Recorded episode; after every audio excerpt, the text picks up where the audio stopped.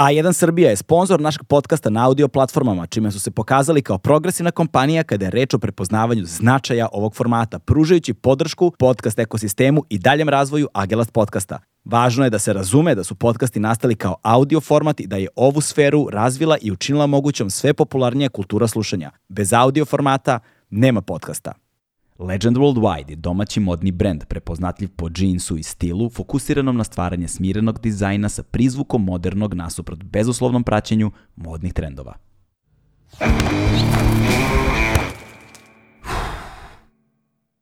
Hmm.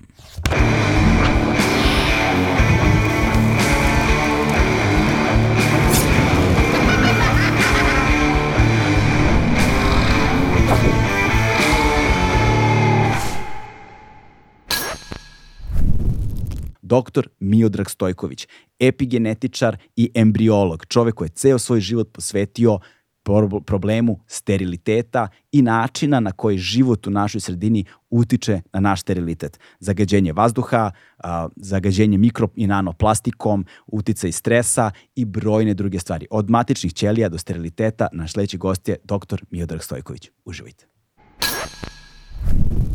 Miodraže, Uh, dobro jutro. Dobro jutro. Dobro jutro. E, samo da napomenem, omiljene su mi ove jutarnje, ova jutarnja snimanja. Sada je 8 ujutru, evo, ribicama još uvek nije sunce, po znacima navoda u akvarijumu izašlo, a ti si fascinantno ovaj, i hvala ti puno na tome, zapravo kolima došli iz Leskovca.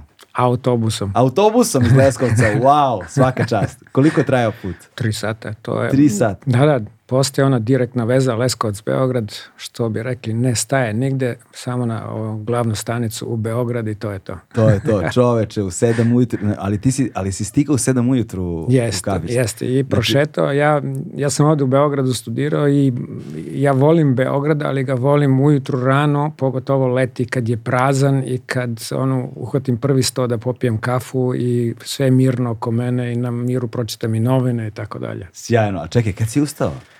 U dva.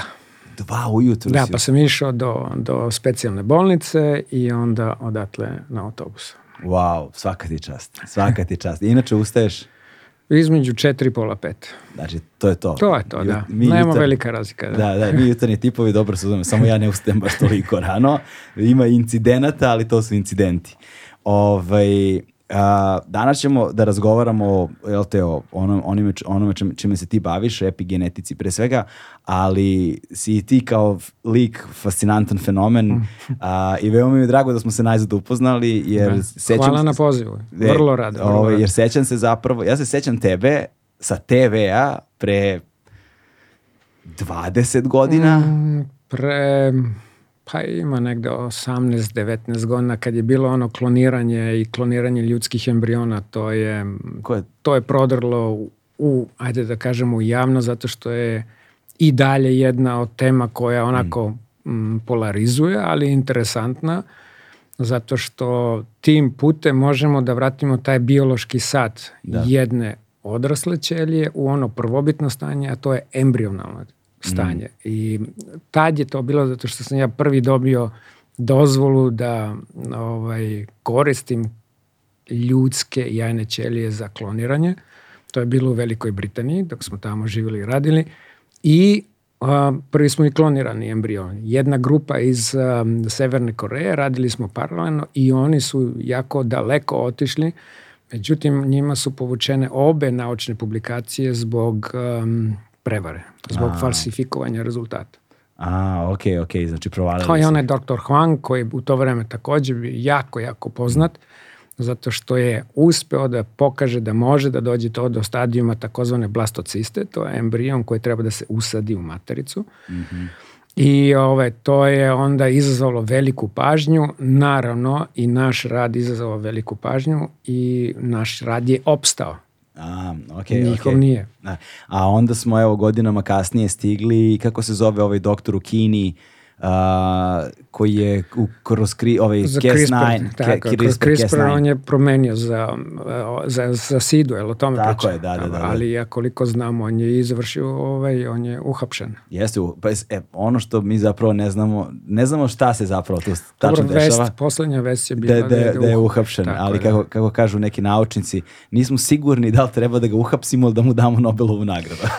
Pa tu je sad pitanje, naravno, etika, jako bitna stvar, transparentnost je druga stvar i dozvola da se neko bavi naučnim radom je treća bitna stvar, jer ne mogu ja sam da odlučim šta je najbolje, trebam da imam iza svega toga jednu etičku pozadinu, znači da kažemo jednostavno iz medicinskih razloga to bude, da ne bude na uštrb ili da bude kao neka zloupotreba sa jedne strane, sa druge strane um, mora da se odmeri ovaj, um, da li je neko sve to evaluirao, da. da li se neko saglasio sa tim. Pa, na primjer, pričamo o jajnim ćelijama, da li je neko saglasan da donira te jajne ćelije u naučne svrhe. O tome se radi. I naravno tu je zloupotreba jako, jako velika i zato je potrebno to sve te, svi ti nivoji da se ispune, odnosno sve te hm, predispozicije kako bi se krenulo sa naučnim radom. Nauka nije samo nauka, nauka je i veliki deo papirologije da bi se krenulo u jedan naučni projekt. Jasno, jasno, jasno. I s druge strane, ovaj, jedan si mi, jedna, jedan si mi od najdr, jedna si mi od najdržih osoba Ne, hvala. ovaj, na, na Twitteru. Neko, da, da, pa verovatno zato što imam najlepše sličice. Da, najlepše, apsolutno. Jedina osoba za sad na Twitteru koju, ono, javna osoba koju znam koja širi samo pozitivne, samo pozitivne informacije, pozitivne vesti. Tako je. tako. Znači u onom, u on- u onom haosu koji se tamo toksičnom dešava, Jest. neko ko samo šalje, samo Jest. kači pozitivne vesti i ono zaista je jedan onako sve, osveženje pravo na takvoj društvenoj mreži. Ali da se mi vratimo malo se, da pričat ćemo o svemu ovome, ali nekako da da ima da razgovor, da ima progresiju i za one poput nas koji ne znamo apsolutno ništa o toj na, ovoj nauci, da postavimo nekakav koordinat, koordinatni sistem u kojem ćemo moći da se razumemo malo bolje. Ovaj, dakle, ti si iz Leskovca, ali tako? Rođen i odrastao u, U Leskovcu. Leskovcu, da. Ovaj, kako je izgledalo odrastanje u Leskovcu u tom periodu? Jako lepo, jako lepo. Ja sam, eto, zahvaljujući Leskovcu, verovatno, ajde da stavimo ovako, znači tu gde sam ja sada, nisam sam ja došao tu, nego što bi rekao Newton, ja stojim na ramenima džinova. Da. I na sreću upravo u tom Leskovcu sam imao te džinove koji su mi pomogli, odnosno pokazali mi šta mene interesuje kao dete, a to je bila biologija. To su bili mikroskopi, to su bile ćelije, to je bio taj neki svet koji se ne vidi golim okom i tu naravno moram da pomenem i vrlo rado ću pomenuti mog nastavnika iz biologije koji je to prepoznao i koji je to manje više forsirao. Tako? Negovao. Tako Da, je, tako da. je. Prepoznao čovjek i rekao, ok, on je dobar za biologiju, za matematiku nije.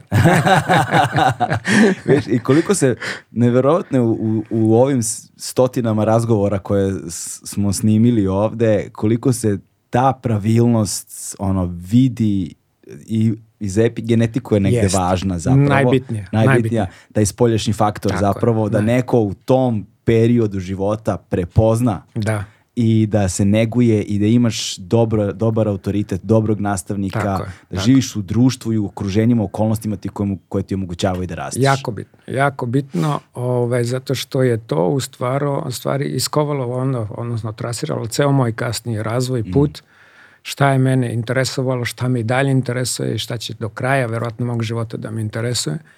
I taj Leskovac mi je ponudio, naravno, ne samo to obrazovanje, ali ono što je specifično za Leskovac, je i neka vrsta filozofije životne. I ta životna filozofija se ogleda u, u jednoj leskovačkoj poslovici, moram da kažem, koja kaže Leskovčanin sedi na malečku stoličku, a gleda u golemo nebo. Da. Znači, sedi, gledaj u veliko nebo, ali ostani prizeman, budi ono što jesi, kao što te svi znaju u Leskovcu, gde nema foliranja, svi se znaju čiji si, koji si i tako dalje.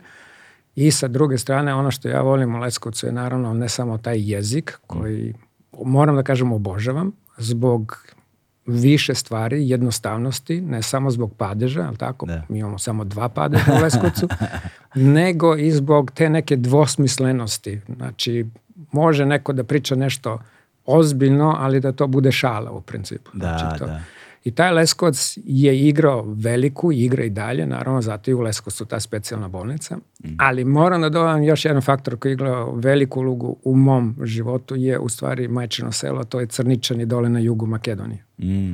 Da, još jedna stvar o, o, ovaj, jeste što si ti, ne samo što si ustao rano i došao autobusom ovde, a nego si promenio i let da bi bio, pošto da. ti obično letiš preko Skopja, tako? Tako, tako je. Bliže ti je mnogo. Jeste bliže, da, mnogo, mnogo bliže, mnogo brže. Ovaj, I kažem, ja sam eto preko majke i vezan za, za Makedoniju. A, moja majka je srpkinja sa same granice između Makedonije i Grčke. Uh. I to je srpsko selo i to je ono što kako mi starimo, naravno, ova, kopka odakle ti ljudi tu, kako su došli. Sad počinje onaj drugi deo istorije koje mene sve zanima, a to je u stvari seoba Srba, odlazak tamo mm. nakon prvog i drugog Balkanskog rata, naseljavanje Makedonije i tako dalje. I sve je to epigenetika, da. a to je uticaj spoljne sredine na, ja bih rekao, na moj put, na moj razvoj genetika jeste bitna, ali epigenetika, sama reč kaže, stoji iznad genetike. Mm, e, to, a ja, ja sve što znam o tom pograničnom delu jeste da je odlična jagnjetina tamo. to, je, to je kaj džoko. Tako je, da. U da. mrzencima. Da. Jeste, da, da. Najbolja jagnjetina na prostoru bivše Jugoslavije, tako kažu. Da, jeste, to je kod Đevđelija, da. Jeste, jeste, jeste. Mora malo ditur da se napravi, da, da. ali, ali vredi, ovaj, vredi truda, vredi utrošenog vremena. Vredi, da, vredi. Ovaj, ti si on, srednju školu si isto završio u Leskovcu Jest, i onda se posljedno došao si u Beograd na, medicin, na medicinski fakultet. Ne, ja sam u Beogradu završio veterinarski fakultet. A veterinarski fakultet? Tako je, i u Minćenu. A, tako je, tako je. Kako se to desilo? Um, kad je ono krenulo kod nas, ja sam se zaposlio nakon a, a, fakulteta u institutu za istraživanje pri fabrici zdravlja Leskovac. To je mhm. onaj nekada farmaceutski gigant na, na našim prostorima koji se bavio od proizvodnjom, ali i istraživanjem novih lekova. Međutim, ono, m, krajem 80-ih, ajde da kažemo 90. godine, smo mi svi videli šta se iza brega valja, mm. ono što šta nam dolazi u susret. Tako da sam ja 91. otišao u Nemačku kao medicinski tehničar. I radio sam skoro tri godine kao medicinski tehničar, najprve u Hamburgu, a onda u Minčenu. Mm -hmm. I um, upisao doktorske studije kako bih pokušao da nostrifikujem svoju diplomu i vratio se svom pozivu nekog, ajde da kažemo, istraživača. Aha, dobro, dobro. Znači... I zato sam morao da ponovim četiri semestra ovaj, da dodatno studiram u Minčinu, ali sam ja to paralelno zajedno sa, sa doktorskim radom mm -hmm. ovaj, završio, ostao kao naučni saradnik pri fakultetu, a onda prešao u Veliku Britaniju na ovaj, medicinski fakultet za humanu, institut za humanu genetiku mm -hmm. u Newcastle i odatle kreće u stvari sve ono Ja jesam završio veterinu, ali ja imam pse i mačke ja nemam pojma šta je njima kad, kad oni ne jedu i plaćam kao svaki čovjek ono račune, ali o, hoću kažem, ta veterina je bila dobra zato što je um, mi je dala opet ono obrazovanje koje tamo na zapadu ne postoji. Recimo, moje kolege sa studije nisu znali da izračunaju neku molarnost zatvora i tako dalje, dok smo mi to znali, ono što se kaže u male prste ovde učili na fakultetu i u srednjoj školi već. Da, znači, da. dala mi je jednu odskočnu dasku kako bih mogao kasnije da se upustim sa nekim specifičnim problemima, ali ne može čovjek se uputiti u specifične probleme ako nema neku podlogu. E, Jasne. to je bilo, to je bio da. Beograd i, i i studije. Ali kako se dešava uh, dakle ta tranzicija sa veterine gde stečeš, stičeš kao i sve osnovne studije neko opšte osnovno znanje da. koje kasnije zahteva specijalizaciju u kom god smeru da ideš, jel te? Bez obzira na, na oblast kojom se baviš, ali, ali sa veterine, sa jednog vrlo specifičnog opšte znanja koje, koje daje veterina da. ka genetici. Da. Šta se, ka, kako je izgledao taj razvojni put i kako si zapravo završio uopšte u, u genetskim istraživanjima? Pa počelo sa doktorskim radom. Znači ja sam, a, molekularna biologija je bio fah i rana embriologija, mm -hmm. znači to se zove in vitro produkcija embriona, znači dobijanje embriona u laboratorijskim uslovima, pod laboratorijskim uslovima i tu je sve krenulo. Znači sve je krenulo u Minhenu. U Minhenu, da. Tako je, u Minhenu. Nastavilo se naravno sužavanjem onda tih svih puteva, zato što sam ja od tih embriona krenuo da dobijam embrionalne matične ćelije i te embrionalne matične ćelije su u stvari izvor za bilo koju vrstu ćelije ljudskog organizma, a onda uz pomoć molekularne biologije da saznamo, dešifrujemo koji su to inputi, koji su to signali koje drže tu ćeliju u tom pluripotentnom stanju, znači još se nije odlučila šta će biti, ili šta mi trebamo toj ćeliji da damo, pa da se ona odluči da bude to što nama treba. Ćelije jetre, pankrasa, mozga, bilo, bilo kažem koji deo ovaj, um, ljudskog um, organizma. Jasno, tu, mi- tu, mi- tu, mi- Tu smo, Da. tu, tu, je, tu je sve. Znači, to je prelazak u stvari iz Minchena u Newcastle, to je institut za humanu Da, genetiku. ovaj, tu mi sad pomažu tekstovi koje si mi slao. Dobro, da, Jer se, ba, baš se primjer Jetre isto takođe navodi u On Guardianovom tekstu, čini mi se prvom. Jeste. Ali, je, ali, ali sam hteo da te pitam zapravo a, pre toga, da samo se vratimo na taj trenutak, jer mi je zanimljiv, kako si izabrao baš to za doktorske studije? Šta je, šta je to u vezi sa, a, sa, sa, sa, sa, sa, sa tom konkretnom delatnošću što te toliko privuklo? Ili kao su samo tu bilo slobodna mesta, pa kao ajde. Pa Da ima, bude- i, ima u principu i jedno i drugo. Aha, da. okej. Kad sam ja ovaj, radio kao medicinski tehničar i zaposlio se u jednoj klinici u Minčinu, ja sam svako slobodno vreme provodio i gledao oglase na univerzitetu da li neko nudi doktorski rad. Jer raditi doktorski rad je bio najbrži put nostrifikovati diplomu. Mhm, okej. I onda sam naišao na, na jednu tablu i tamo je pisalo tražim doktoranta, je tako, koji bi radio na toj i toj temi. I ja sam video u principu da je to u stvari tema, to su ra, rana embriologija i molekularna biologija. Ono što je mene zanimalo. Eto, pogodilo se, Da, da, da, da. slučajno. I ja sam odmah zakucao na ta vrata i pitao tog profesora da li bih ja mogao da budem eto, taj neko ko će raditi tu temu. Objasnio sam mu situaciju, to su bile ratne godine, a objasnio sam mu situaciju da ja radim puno radno vreme, ali bih koristio slobodno vreme da dolazim tamo. On je rekao, ok, dođi šest, prvi šest meseci na taj probni rad. Koliko si godina imao tada? Um, ja sam otišao sa 27, znači 30. 30 godina. Tako je. Šta je to u vezi sa embriologijom što te toliko privlači? Stvaranje života. Da. najbitnija stvar u životu je stvaranje života, a to je kako kad imamo jednu jajnu ćeliju, jedan spermatozoid od toga napraviti, eto taj novi život napraviti pod znacima navoda, jer je to ono što mi, eto sad recimo i ljudi koji se bave uh, sterilitetom, odnosno lečenjem steriliteta, a mi embriolozi smo tu da pomognemo da se stvori taj život u laboratoriji kako bi se rodilo dete, tako? Da, da. Um, mene to fascinira zato što vidim od one jedne jajne, oplođene jajne ćelije, vidim kako se to deli, deli, deli, deli i onda dođe do tog razvoja gde se tačno vidi šta će biti beba, a šta će biti, biti posteljica. I mi u ono vreme, a i dalje ne znamo sve, nismo znali kako se to dešava, koji su to signali, koji su to mehanizmi, kako se od jedne oplođene jajne ćelije stvori preko 200 ćelijskih tipova ljudskog organizma, je li tako? Da, Znači da. šta je to?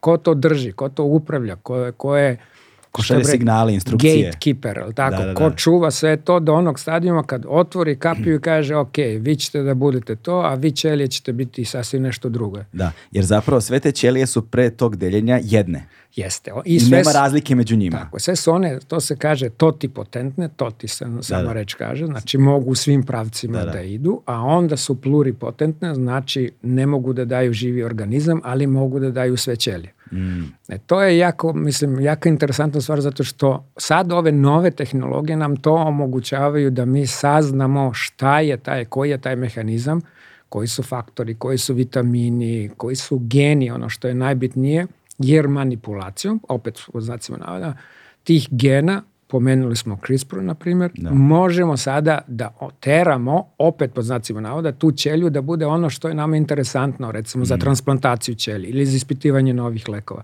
Da, da. Velika, velika mogućnost. Za oporavak, na primjer. Za oporavak od čega? Pa, mislim, zavisi da li, recimo, matične ćelije pomažu u oporavku različitih povreda, ne znam. No, Dobro za regeneraciju, Regeneraciju tkiva, tako tkiva, je, tako da, je, da, tako da. je, za regeneraciju, za brže zarastanje rana, tako je, to je tačno, znači to se koristi, to Da, se da. koristi. Matične cijelije se odavno koriste, to su one hematopoetske, krvne, odavno već, od prošlog veka 50. 60. godina. Mm. Ali meni su interesantne ove pluripotentne koje mogu sve da budu, sve.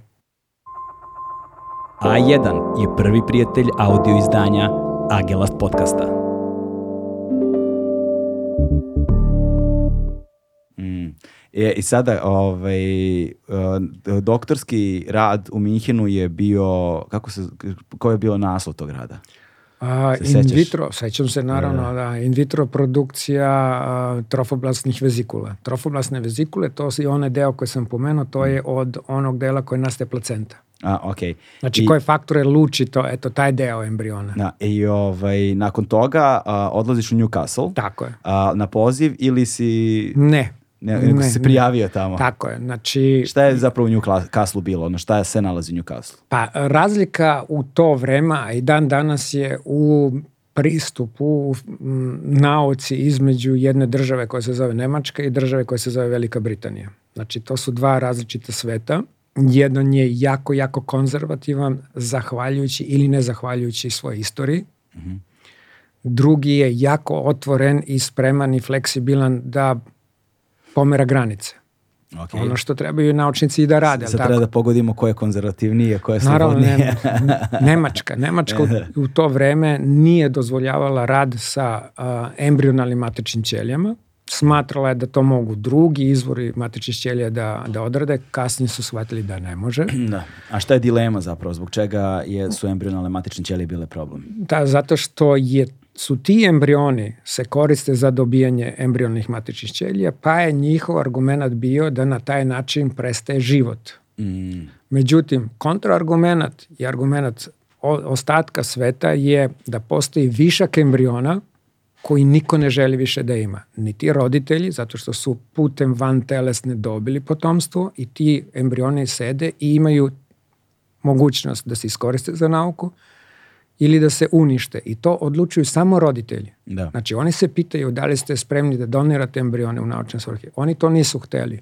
Velika Britanija je to dozvolila. Da, da, da. I zato sam ja prešao u Veliku Britaniju, ali to opet bila slučajnost, znači to je bio motiv zašto sam gledao oglase, mm. postoji onaj lep časopis koji se zove Nature Da, znam. i tu sam naletao da traže embriologa u Newcastle. I ja sam se prijavio, oni su me pozvali na razgovor i odmah mi ponudili posao. Koja je to godina bila? To je bila 2000-ta, 2001. I to je baš zapravo bilo vreme kada su matične ćelije u javnom prostoru otprilike Jest. eksplodirale. Jest. Tad smo svi prvi Jest. put čuli za matične ćelije, Jest. jel tako? To je to upravo to vreme upravo zbog toga a, zato što je to početak derivacije dobijanja a, matičnih ćelija i kad sam ja prešao u Newcastle, ja sam prvi u Velikoj Britaniji dobio liniju matičnih ćelija. E to je mene onda katapultiralo jer sam ja otišao tamo kao naučni saradnik, a vrlo brzo sam postao profesor. dakle, malo sreće, usput mora se... Naravno. Ali, a, u to vreme to je bio, zap, čini mi se, mali klub Jeste. Uh, nije- Entuzijasta. Entuzijasta, da. Nije vas bilo puno koji Ne. ste se zapravo time Ne. bavili. Ne. Danas je to masovno, ali Jeste. Jeste na sreću. na sreću, da. sreću. Ali je tada to bio veoma mali i sećam se kada su se prve vesti pojavljivale o matičnim ćelijama, nekako paralelno su se pojavljivali vesti o tebi. Da. Kao vidi otkud sad naš čovek Jeste, jeste. u, u nečemu što je u tom trenutku bilo, bio cutting edge science. Jeste. Ali kažem, ja sam imao sreću tu eto da nakon dolaska u Newcastle, nakon šest meseci smo već imali liniju matičnih ćelija, znači nešto što se non stop obnavlja u laboratoriji. Matična ćelija embriona nikada ne stari, može da se čuva ono što se kaže beskonačno. A u kojim uslovima? Pretpostavljam mora bude, da, mora- pretpostavljam mora bude hladno, da li mora još nešto? Ne, ne, nego? To su laboratoriji uslovi, to je normalna temperatura i te matične ćelije žive, dele se, propagira se i tako dalje, sve u Petrijevoj šoljici, znači Mhm. one plastične šoljici. Samo je njima potrebni su specifični uslovi, to su oni medijumi u kojima rastu Mhm. i koji su to faktori koji je drže u tu matičnu ćeliju u tom naivnom pluripotentnom stanju. Aha, da, znači vi zapravo održavate u tom stanju da ne... Da... Ja je držim samo, držim, držim, držim da ona bude i dalje matična ćelija. A, a u čemu se drži i šta je to što u čemu se drži da bi bilo? Može onim flaskovima, to ne su znam, nego ta, ta, ta... Medium. Medium, taj, U da. medium, tako, Medium. to je tečnost koja se sastoji od aminokiselina, vitamina, mineralnih materija i faktora koji je drže u pluripotentnom stanju. Ako isključim taj faktor i dodam recimo neki vitamin, ajde da kažem vitamin A, dobit ćemo ćelije sa nervnim karakteristikama. Mm, e, ajde sad da se pozabavimo malo da razumemo šta su zapravo matične ćelije i da razumemo, uh, dakle, razliku između genetike i epigenetike. Da. Znači da se pozabavimo osnovama ono, da, i da ja sam malo bolje razumem. Matična ćelija je ćelija koja se još nije odlučila šta će biti u svom životu. Svi smo mi potekli od matičnih ćelija. Da, da. Znači, od te embrionalne matične ćelije, Ali jer za- se iz embriona dobije. Da, ali za njih se dugo zna. Zna se od, kod životinja, kod miša najpre, Mhm. zna se da, a, to je tačno, ali je bilo jako teško da se dobije iz ljudskih embriona. Šta je zapravo bila najveća prepreka? Zbog čega je bilo toliko teško? Uslovi laboratorije. Mm, Znači, mora- ne, ne, ne, hajde da kažemo inkubator, ne mikroskop, ne, nego upravo to šta je u toj tečnosti i kako da dobijemo, kako da propagiramo to. Kako da izolujemo. Dakle, jel to znači da nismo imali znanje ili nismo imali tehnologiju? Nismo imali ni znanje, a nismo ni znali kako da dođemo eto, upravo do toga, jer kad se stvori embrion, on ima on unutrašnju ćelijsku masu, ok, to je izvor embrionalnih matičnih ćelija, ima trofektoran, to je ono placenta. E, mi nismo znali najpre kako da izolujemo to efikasno, tu unutrašnju ćelijsku masu. Neko je radio ono mikrohiruškim putem, neko nekim antitelima pokušao da izoluje sve to i tako dalje. Ali šta se onda dešava kad tu, hajde da kažemo, malu grupicu ćelija, negde od 15 do 30, kako od njih da dobijemo milioni i milione koji imaju iste karakteristike kao te 15-30. Mm. I? I to je bilo. I onda smo uspeli da dođemo do saznanja da postoji faktor koji pomaže njihovu propagaciju, ali je bilo jako bitno da im damo uslove da one, to se zove ataširaju, a to nije ništa drugo nego da prilegnu uz podlogu. Mhm. E, za to su nam služile druge ćelije, to su takozvani fibroblasti koji su potpomogli njihovo, njihov rast. A šta su fibroblasti? To su ćelije kože. A, zaista? Da. Wow, ko je to provalio? Pa to je odavno poznato, to služi kao kokultura zato što oni slu, a, luče neke kofaktore ovaj, koji pomažu rast ovih pluripotentnih ćelija. Sad više se to ne radi, to je bilo tada, sad se radi zahvaljujući tome što znamo šta im treba sa različitim takozvanim matrigelom i tako dalje podlogama gde se samo stavi jedna podloga i onda se matrična ćelija um, pripi uz to podlogu i kreće da raste. One rastu kao kolonija, znači mala, pa sve veća, veća, veća kolonija. Onda se radi pasažiranje, to nije ništa drugo nego podeliti te kolonije i propagirati, odnosno od nekoliko stotina dobiti celu liniju. Da, da. Ovaj, e sad, ajde, hajde sad onda da vidimo šta su, dakle, koja je razlika između dakle, genetike ep, i epigenetike i da vidimo posle u toj epigenetici, dakle, da se krećemo ka tome kako ti faktori utiču, jel te, na razvoj ovaj, i da vidimo šta su ono ultimativne posljedice, a da vidimo i šta je sveti gral Tako je, da. te same nauke. Kad govorimo o genetici, mi govorimo najpre da li se nešto menja u strukturi DNK. Mhm, ok. To je, znači, ukratko rečeno laičkim jezikom. Kad govorimo o epigenetici, tu se ne menja struktura DNK, te promene koje se dešavaju na epigenetskom nivou su reverzibilne, jako bitne, i to se razlikuje u odnosu na genetiku. I ovaj, tu je bitno organizacija DNK, odnosno epigenetika reguliše aktivnost gena, da li će biti neko učutkan gen ili će biti promovisan, odnosno imati svoje prekomerno ispoljeno dejstvo i tako dalje. Znači to je, postoji da li je to metilacija, znači ako se prilepi uz hist- um, metil grupa, to je ona CH3 grupa, onda je gen neaktivan ako se odvoji uglavnom, nije za sve gene, ali uglavnom tako, onda postoji acetilacija ili RNK inhibicija i tako dalje. Sve su to mehanizmi koji regulišu aktivnost gena, ali ne dovode do promene u DNK u strukturi. Da, da. Znači i ti procesi su, kako kažeš, znači mogu da se menjaju. Tako smislu, je, reverzibilni. Rever, znači mogu da se vraćaju u početno stanje, Tako. ali mogu... I, znači... A mogu da budu i štetni mm -hmm. i to je ono zašto je epigenetika interesantna, upravo zbog nastajanja raka, je tako? Da. odnosno da. zbog štetnog delovanja spoljne sredine, odnosno dijete, načina ishrane i tako dalje. Sve je to pod uticajem epigenetike. Da, čoveče, neverovatno. Sada, koliko znamo o tim procesima, a, a, šta, šta se menja, u šta, u šta se pretvaraju, u kom smeru se kreću i šta, koji su faktori koji utiču na različite vrste tih, tih promjena. Sa toga je možda bude naravno beskonačno mnogo, ali... Znamo mnogo, a i znamo i malo. šta to znači? Pa to znači da o, znamo mnogo zato što znamo eto te neke mehanizme, ali ako se vratimo recimo sad na, na sam gen. Uh. -huh. Prvo smo mislili da 30.000 gena ima važnu ulogu u ljudskom genomu, onda smo shvatili da ne, možda ima 20.000, pa možda par hiljada i tako dalje. Pa tu postoji oni takozvani pseudogeni, takozvani pseudogeni za koje se mislilo da ni, nemaju nikakvu ulogu, nikakvu funkciju, međutim sad se sve više shvata da imaju veliku ulogu, naročito kod procesa stvaranja ćelija raka. Znači, jako bitno ono što smo mislili da nije važno, sad je važno. Da, da, Zato da, da. kažem i znamo mnogo, ali i ne znamo mnogo. Ali što se tiče same epigenetike, znamo dosta toga zato što je ona u stvari pomogla i to je, sad se vraćam na, na moj deo posle, ono što smo mi u Bostonu radili je u stvari uticaj zagađenja ljudske sredine na, na epigenetski... Na, na Harvardu? Tako je, da, da. da. da. Na epigenetski profil ljudskih matičnih ćelija i onda smo videli, mene naročito uh, zanima kakav je uticaj mikro i nanoplastike mm. na ljudsko zdravlje, pošto je to nešto što o čemu zaista ne znamo skoro ništa.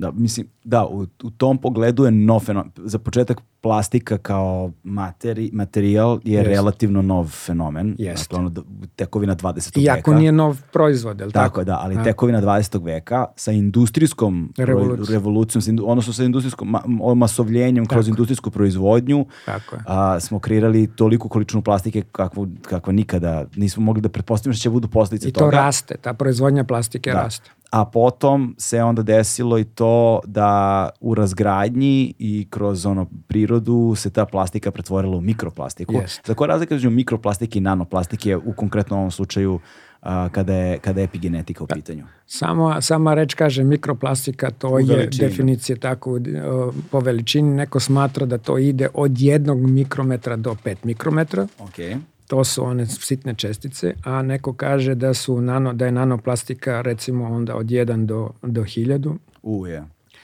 Međutim, tu se malo ne slažu, ovaj, naučnici još nisu ni definisali upravo šta bi bilo nano, a šta bi bilo mikrotačno da se odvoji. Ono što je alarmantnije, ja bih rekao, za nanoplastiku, jer um, nanometar je hiljaditi deo, je li da, tako? Da, ja sam to naučio u školi. Mili, mikro, nano, piko. Tako, tako to je, to tako. su...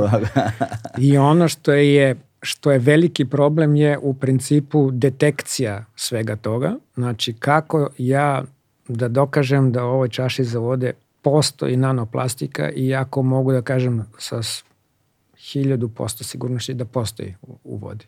Wow, da. Zato što je ona svuda ona je svuda oko nas zato što je ne samo produkujemo, nego zato što se ona, ta plastika decenijama gomila, je tako? Mm. Pa onda pod uticajem sunčeve svetlosti, a svi znamo gde završava plastika, to su reke, jezera, mora. Okeani, da sa isparenjem vode ta mikro i nanoplastika dolazi u atmosferu, ulazi u kišnicu, sa kišnicom ulazi u zemlju, u biljke, u lanac ishrane, znači ulazi i u životinja, ulazi i u ljudsko telo i postoje sve više dokaza nađeno u placenti, na primer. I to, je, to su već alarmantne stvari zato što je to nešto opet ono što smo mi objavili ove godine u martu mesecu izaziva katastrofalne posljedice koje dovode do odgovora na pitanje zašto imamo prisustvo, odnosno pojavu nekih bolesti za 150% više nego do nedavno. Koje su to bolesti, na primjer? Neurodegenerativne. Mm. To su te bolesti koje se sve više ispoljavaju. Šećerna bolest onda ide a, posle toga. Naravno, to ide i gojaznost i konzumiranje šećera i tako dalje. Ali ako ja imam nešto što je kao okidač za tu, tu bolest, a to je u stvari konzumiranje plastike, a mi konzumiramo najmanje, najmanje 4 grama plastike nedeljno, to je reda veličine jedne kreditne kartice. Da, to sam negde video da mi zapravo jednom nedeljno pojedemo uh, kreditnu karticu. Najmanje. To, najmanje. To je ono što znamo, kažem, ali Čoveč. mi ne možemo, postoji plastike i u nekim lekovima, onaj styrofoam ili ona da. merska, morska pena, mi klinci kako smo je zvali, ili tako. Da. To se kod nekih dečjih preparata daje i to je Food and Drug Administration dozvolio recimo mm. ovaj, upotrebu tih lekova ne postoji, kažem, regulacija i to je ono što brine zato što ako nemamo regulaciju i nemamo informacije o svemu tome, onda uh, se i ne brinemo mnogo Jasne, o tome da, što ne da. vidimo, ne da. osjećamo da. i ne primećujemo. A s druge strane, ovaj, uh, paralelni problem sa time je i povećanje steriliteta. Jest. To je, to je nešto što, to se, što se baš primećuje. I to smo videli isto, da. I to, re, mislim, to, sad, to je nešto što, posebno recimo moje generacije ovaj, to jako dobro znaju, jer je sve veći problem je ovaj, ostati u drugom stanju, zatrudneti, ovo sterilitet na obe strane, na, ovaj, Jest. i mnogi ljudi koje znam se bore sa time. Baš Jest. ogroman procenat. Jest. To uopšte nije mali procenat, to ne znam, više od 50% na primjer. Baš, pa svaki ne, šesti ne... par u Srbiji recimo. Peti, šesti par. Nekad je bio svaki osmi, pa nek, svaki sedmi, sad je već ono svaki šesti, peti par. Ima problem da li je to muški ili ženski sterilitet, a to je upravo vezano za način, moderni način života ili ajte ovo što smo pomenuli, zagađena ljudska sredina. Mm, da A ovde imamo ozbiljan problem Ozbiljno, tako je. Pogotovo ovde u Beogradu kad je grejna sezona, sve ovo što se udiše, sve je to, sve to mikro i nano čestice koji opet da ponovim, imaju katastrofalni efekt na ljudsko zdravlje i na sterilitet. I to smo videli. Smanjuje rezervu janih ćelja, broj jedan problem u sterilitetu. Da, znači to je broj jedan problem. Jeste i smanjuje broj i kvalitet spermatozida. To je broj dva. Broj dva da, jest, da. ali e. sve prisutni, sve prisutni. Mm. E sada, a, hajde sa, samo da to, o, o, u ovo su teme u koje bih zapravo voleo da zaradimo najviše, ali samo da razumemo, dakle ti si u Newcastle radio yes. i ovaj, iz Newcastle si se prebacio u Boston u nekom trenutku. U Valenciju. U Valenciju, aha, ka, kako je izgledao taj razvojni put? Taj razvojni put je krenuo, znači u Newcastle. Um, Tam, šta si tamo radio? Tamo sam bio profesor embriologije, biologije matičnih ćelija pri medicinskom fakultetu i radio u institutu koji se zove Institut za humanu genetiku i radio sa embrionima i pluripotentnim matičnim ćeljem. Mm -hmm. Onda mi je ponuđeno, ponuđeno, držao sam predavanje u Valenciji, po pozivu mi je ponuđeno mesto um, uh, zamenika direktora jednog ogromnog instituta u okay. Valenciji sa 400 saradnika, odnosno naučnika i ovaj jedini preduslov je naravno bio da pređem iz Newcastle u Valenciju. I to nije to, ta dilema nije dugo trajala s obzirom na ovaj, mogućnosti na prvom mestu, moram da kažem, jer je taj institut zaista kao jedan svemirski brod da ovaj, um, tri sprata iznad i tri ispod zemlje, znači uh, sve pod jednim krovom. Za jednog naučnika san snova zato što ne moram da lutam, da tražim i da pitam, nego imam sve tu, mm. sve je tu dostupno. Naravno i budžet je jako bitan, nauka je jako skupa. Da. Naravno bitan je i tim ljudi i tako dalje i sigurno i onaj drugi moment je preći iz jedne Velike Britanije u Španiju koja je u to vreme jako puno ulagala upravo u nauku. Okej. Okay. Ovaj, a iz, iz Valencije... U Leskovac. U Leskovac. E, to je, to je još jedna fascinantna. Znači, ti si zapravo na svom, svim ovim proputovanjama, jer ovde mi zapravo paralelno vodimo dve priče. Jedna da. je o epigenetici, druga je o tvom putovanju. Ovaj, uh, Leskovac je ostao značajno mesto u tvom životu uh, i zapravo ti si kliniku otvorio u Leskovcu, Jest. ti si imao velike planove kada si se vraćao ovde, Jesam, da. ne samo za Leskovac, već i za celokupnu... Tako za, za celu zemlju. Da. Za celu zemlju, ali o, to su neke druge teme yes. ove, kojima, pa se nećemo, kojima se nećemo baviti jer znamo gde živimo i kakvim uslovima živimo. ovaj, i nažalost taj potencijal koji si ti nosio sa ovom nismo iskoristili, ali možda može taj nepravda da se ispravi u nekom trenutku, vidjet ćemo. Ja se nadam da ova nova pametna deca koja dolaze Da. i za koje verujem da su zaista bolji od, od svih nas, samo ako im se da mogućnost da oni malo to poguraju. I da, Epigenetika. tako je, tako da oni poguraju to, jer kažem, dok sam bio na medicinskom fakultetu u Kragujevcu, video sam veliki broj takve dece koje zaista, zaista Mm. imaju kapacitete i ambicije i dovoljno razuma da pokrenu, pokrenu stvari. Tako da se nadam da taj, eto, ja sam dobio u Kragujevcu taj projekat za izgradnju onog centra za regenerativnu medicinu. Ja se nadam da to se završi i da tu pređe i medicinski fakultet i da oni imaju tamo lepe uslove da se bave naukom. Mm, ok. E, ovaj, a, u kom trenutku ti u svojom um, u, u, u svom radu počinješ da primećuješ da zapravo a, Da me Lesko zove. ne da te Leskovac zove, nego da mi- plastika, Aha, da. zagađenje imaju zapravo značajan uticaj na razvoj gena. U onom trenutku kad sam ja seo za kompjuterom i ukucao nekoliko onih, što bi rekli, reči keywords Mm. I da vidim šta je obavljeno po tom pitanju, jer se o plastici sve više govori, o zagađenju, o pron... kom je to period bio kada si To je bilo 2019. 2009. znači to je skoro. Skoro, zapravo. to, je, naravno, to, je, da. to je potpuno nova stvar. Potpuno nova stvar. I kad sam ja vidio da tu nema ništa, ja sam bio šokiran time da nema ništa, jer je bilo sve više evidentno da je prisutno u ishrani i u vodi i u pivu i u vinu i u mleku i u soli i u šećeru. Znači svuda, svuda, sve što jedemo, jedemo zajedno i plastiku sa tim. I onda nije bilo nikakvih studija da se vide kakav je to efekat, recimo koristeći modele koji mogu da nam kažu mnogo bolje i jednostavnije kako, kakav je impakt na ljudsko zdravlje. Znači, ne, a, dotle su ljudi i dalje koristi, to je dobro, modele životinja. Dalje to ribice su jedan model, ok.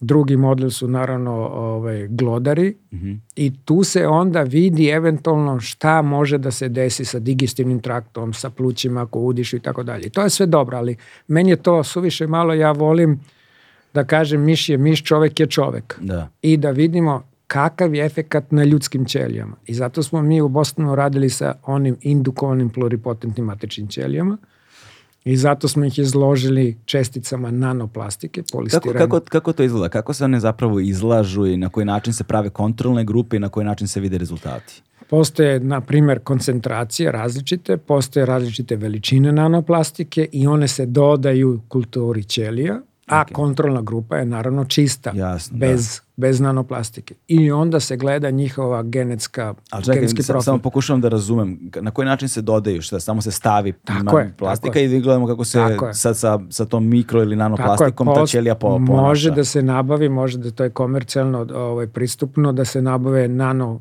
nanosfere, se to zove, znači to izgleda? čestice. To je rastvor, jednostavni rastvor. Rastvor koji tako, se- koji se pipetira. Gde se kupi to? Postoje firme koje prave, to su recimo firme koje prave i one nanoplastiku koja je fluorescentna Mm. i to je to pomaže zato što kod pod mikroskopom onda tačno mogu da vidim gde je završila ta čestica, zato što Mm, i- svetli. I šta, I šta se dešava? Kako to izgleda? I onda smo mi dodali i videli smo da se ništa ne dešava nego da matična ćelija i dalje živi, dalje radi svoj posao kao da se ništa ne događa. Međutim, kad smo mi to uzeli i poslali, odnosno uradili genetsku analizu i epigenetsku analizu, znači profil ovaj, DNK i odnosno epigenik, ona DNK metilacije, to je epigenetika, onda smo vidjeli da je poređenje katastrofalno u katastrofalno moram da kažem u onoj grupi gde je ćelija bila izložena nanoplastici, a nismo ništa videli morfološki.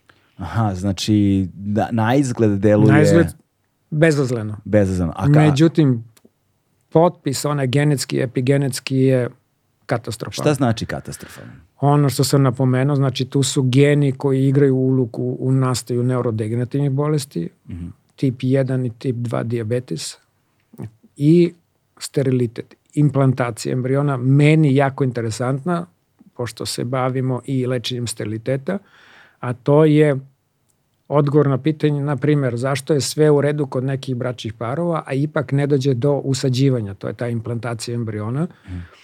Koji su to faktori koji smetaju da se embrion usadi, iako je sve morfološki, kao i kod ćelije, sve na izgled u redu. Mm. I onda smo videli te gene koji igraju ulogu u usađivanju embriona da su poremećni. E sad, da li mi imamo neke podatke statističke ovaj, koji nam govore, pošto ipak govorimo o 2019. godini, to je Jest. bilo pre 3-4 godine, strašno. Da, a objavljeno sada recimo u 2023. Da. Znači toliko traje taj put od početka... Sad, a sad u 2023. je objavljeno. Tako, da, od, da. Početka, od wow. početka eksperimenta do prikupljena analiza do objavljivanja. Da, vidiš, neverovatno je to. A, sve ovo što govoriš, mislim van stručnosti, ali kao principi, deluju kao nešto što je opšte poznato. Znaš, deluju da. kao nešto što bi trebalo da bude samorazumljivo i, I normalno, opšte, normalno i opšte prisutno. Da. A kada saznaš da su prvi rezultati tek sada objavljeni, pita se čovek pa šta smo radili. Da. Sve, šta smo radili sve ovo vreme kako, nam, kako nikome nije palo na pamet ovaj, da se pozabavi na taj način problemom tako, plastike. Tako, to je mene zabrinulo te 2019. Zašto niko to ne, nije još mm. uradio i tako dalje. Na sreću sad opet se javljaju sve više grupe ovaj, i u Aziji, i u Evropi i tako dalje. Postoje konzorcijumi grupe koje su finansirane od strane Evropske unije i onih Horizont program i tako dalje, da se malo detaljnije pozabave tim i to je jako dobro jer na taj način jedino može onda zakonodavac da se natera da definiše koliko je štetno, a koliko nije. Da, sad, a, kako, a, da, svakako postoji razlika, ali me zanima u kojoj meri, na koji način a, dakle, mikro i nanoplastika, prvo ćemo se pozaviti o njima, pa ćemo govorimo o zagađenom vazduhu. Uh mhm. -huh. ovaj, na koji način um, ono utiče dakle, na embrione, na koji način utiče na dakle, život koji se tek kreira, ali, a koliko utiče na nas koji smo već formirani. Mm. Jer, ka, jer kao što si rekao, u epigenetici zapravo promene mogu da budu reverzabilne i mogu da se menjaju u svakom datom trenutku u zavisnosti od okolnosti tako. u životu. Znači može da da se oporavi nešto. Tako, tako, da, tako da nije bitno da li imaš 40 ili 15 godina, ali tako. svakako se u stepenu nekom razlikuje. Eto, to smo i mi opet prvi uspeli da pokažemo da ta nanoplastika reda veličine od 40 do 200 nanometara vrlo lako ulazi u embrion, ljudski embrion. Mm ljudski embrion u toj ranoj fazi se sas, ima jednu opnu, da je zamislimo kao ljusku od jajeta, koja čuva, eto, hajte da ga nazvamo pilence, ali tako? Da. I ta ljuska je u stvari zaštitna barijera. Međutim, mi smo videli da kroz tu zaštitnu barijeru lako prolazi nanoplastika. Zašto? Zato što se ta nanoplastika ogrne kao nekim plaštom organskim materijama, drugim, bilo to da su vitamini, bilo da su to proteini i tako dalje, i služi kao nosioc, je tako, a ćelija to ne prepozna. I onda on uzme sve to unutra. Znači on prevari ćeliju. Kao trojanski konj. Wow. Ovaj, I onda smo videli da je to prisutno svuda, u svakoj vrsti ćelija tih ranih embriona, govorim o petom danu i šestom danu, to su te blastociste. I ovaj, radili smo i njihov genetski profil i to smo objavili, to smo objavili 2021. I o, tu smo isto videli do kojih poremeća sve to dovodi. Znači, igra veliku ulogu jer u rodnom trenutku te promene koje se desile na nivou gena, a gen je odgovoran za stvaranje kasnije preformulaciju u proteine, tako dalje, znači onaj građevinski materijal, sve što čini ljudsko telo, a da funkcioniše mora da bude sve ovaj u fiziološkim normama. Videli smo zašto negde neko ima predispoziciju da u jednom trenutku oboli zato što ima u sebi nosi od samog začetka može da nosi od samog začetka u sebi eto te štetne materije, ne mora da bude to nanoplastika, to su i druge nanočestice, nikal, kadmijum, teški metali i tako dalje. E sad tu govorimo o zagađenju vazduha zapravo, tako prelazimo, je, prelazimo, tako. prelazimo tu. Da. Tako. Da. Ovaj, samo, samo pre nego što pređemo tu, samo me zanima još, ovaj, a, ukoliko su embrioni izloženi, a mi danas znamo da je praktično svaki embrion izložen. Uh mhm. -huh. Mislim, Jeste, I ne znam jeste. da li je moguće danas bilo gde na planeti čovek da se rodi, a da nije bio izložen mikro ili nanoplastici. Zato što, zato što sve više, kažem, postoji ovaj, naučnih dokaza i objavljeno da se ta nano i mikroplastika nalazi u ljudskoj krvi, a time i prolazi kroz sve barijere u zavisnosti od veličine. Videli smo ako može kod embriona, zašto ne bi probili moždanu barijeru ili, kao što sam napomenuo, dokazano je već i u placenti, u posteljici. Da, da. I ovaj, e sada, koja je verovatnoća, sad opet je to više multifaktorijalno svakako, ali pokušavam da pronađem neki okvir u kojem mogu da za, zamišljam stvari. A, koja je verovatnoća da ukoliko se, dakle, do svaki embrion na planeti Zemlji, svako novorođeno dete je došlo, dakle, u kontakt u toku razvoja sa mi, mikro i nanoplastikom, kao i majka, kao i otac, jel tako? Ovaj, koja je verovatnoća da će se sada iz toga razviti kasnije neka, neki poremećaj? Jako je bitno koja je doza ekspozicije Mm. toj štetnoj materiji, znači na prvom mestu. To je bitno. Drugo, jako bitna stvar, ako govorimo o nanoplastici, je veličina te, te plastike. Da, I da. treća stvar je čime se ona obavila. Jer mi imamo u industriji da su već one, ta, svi ti ajde, proizvodi od plastike sas, se sad, sastoje od nečeg dodatnog. Mm. I to može da bude toksično. Dakle, mi ne govorimo samo o primarnom, nego i o sekundarnom i o Tako je. tercijalnom, dakle, to je... A i dokazano je da se virusi jako lepe za ovaj, i bakterije isto za, za eto, nano čestice i zato i lakše neko i oboli, eto recimo da li je to od prehlade ili od covida i tako dalje. Znači to su um, faktori koji mi ne možemo da kontrolišemo zato što u onom trenutku kad uključimo mašinu za veš, mi automatski u toj prostoriji imamo ili ovo za sušenje veša 700.000 takvih čestica. To je samo jedan ciklus pranja. Ja sam sinoć dva puta E, probaš. znači, znači probio si preko milion, da. Ja sam sinoć dva puta oproveš. Ako je sintetika u pitanju, naravno to su sve sportska, sportska odjeća od, od plastike, od Da, sintetike. drugi ciklus je bio sa sintetikom. Tako da, eto, ne može to da se spredi. Izađite napolje, u, u, recimo, da sve te gume automobilske, jesu gume, ali to je od plastike. Mm, Znači, pri onom kočenju a, s- to dolazi u vazduh, iz vazduha u naša pluća, Da, iz pluća u krv. Da, skoro sam negde slušao da postoji kod, između kod zagađenja automobila nije pitanje sa, samo Izduvni gasovi. izduvnih gasova, nego zapravo dva velika problema automobila su, jel te, to gume koje se troše Jest, jest. i zapravo kočnice. Da, jest. Da, to je kako Upravo zbog tih ta- nanočestica. Nazovimo to kočiona prašina, Da. na primer. Da, nastalo se trenja. Tako je, da, i da je ona zapravo možda najveći zagađivač kada su Jest, automobili u pitanju. jest. To je nešto čemu nisi imao pojma do skoro. Jeste, to je, to je ono što brine zato što mi ne možemo da izbacimo plastiku iz svakodnevnog života. Mm, da, To i- je problem. Mi jedino možemo svesnije da je konzumiramo. Da. Konzumiramo u smislu da li ću piti vodu iz staklene flaše ili iz plastične flaše. Da li ću poneti coffee to go, zaponeti kafu sa onim poklopcem, jer u dodiru kafe i tog poklopca imamo milijardi milijarde čestica koje se automatski Vidiš, rastvaraju. Ne do. A ja, te, ja ti nudim kafu u keramičkoj šoljici, a ti piješ ovu za poneti. Eto, ta, eto taj poklopac recimo. Da. dokazano par milijardi čestica se rastvori. Ili, ili onaj čaj, čaj na kraju krajeva, one kesice, sve Da. to od plastike. Mi to stavimo onu vrelu vodu i ono se samo rastvori plastika i E, sad, i uđe u pitanje, čaj. e, sad tu, tu je pitanje e, koliko termička obrada a, menja stvari? Pa menja kod plastike, rastvori je, da. Pa da rastu, ali kao Na- poma- pomaže zapravo kad je, ako je vruće, Da se stvore mikro i nano čestice. da, i one se lakše apsorbuju, odnosno ulaze u... Lakše ulaze. Mi mislimo, eto, danas smo uzeli nešto zdravo za sebe, jel tako? Da. A to je čaj, ali smo uz to još nešto dodali. A koliko, zamisli koliko je tek onda dostava hrane promenjala stvari.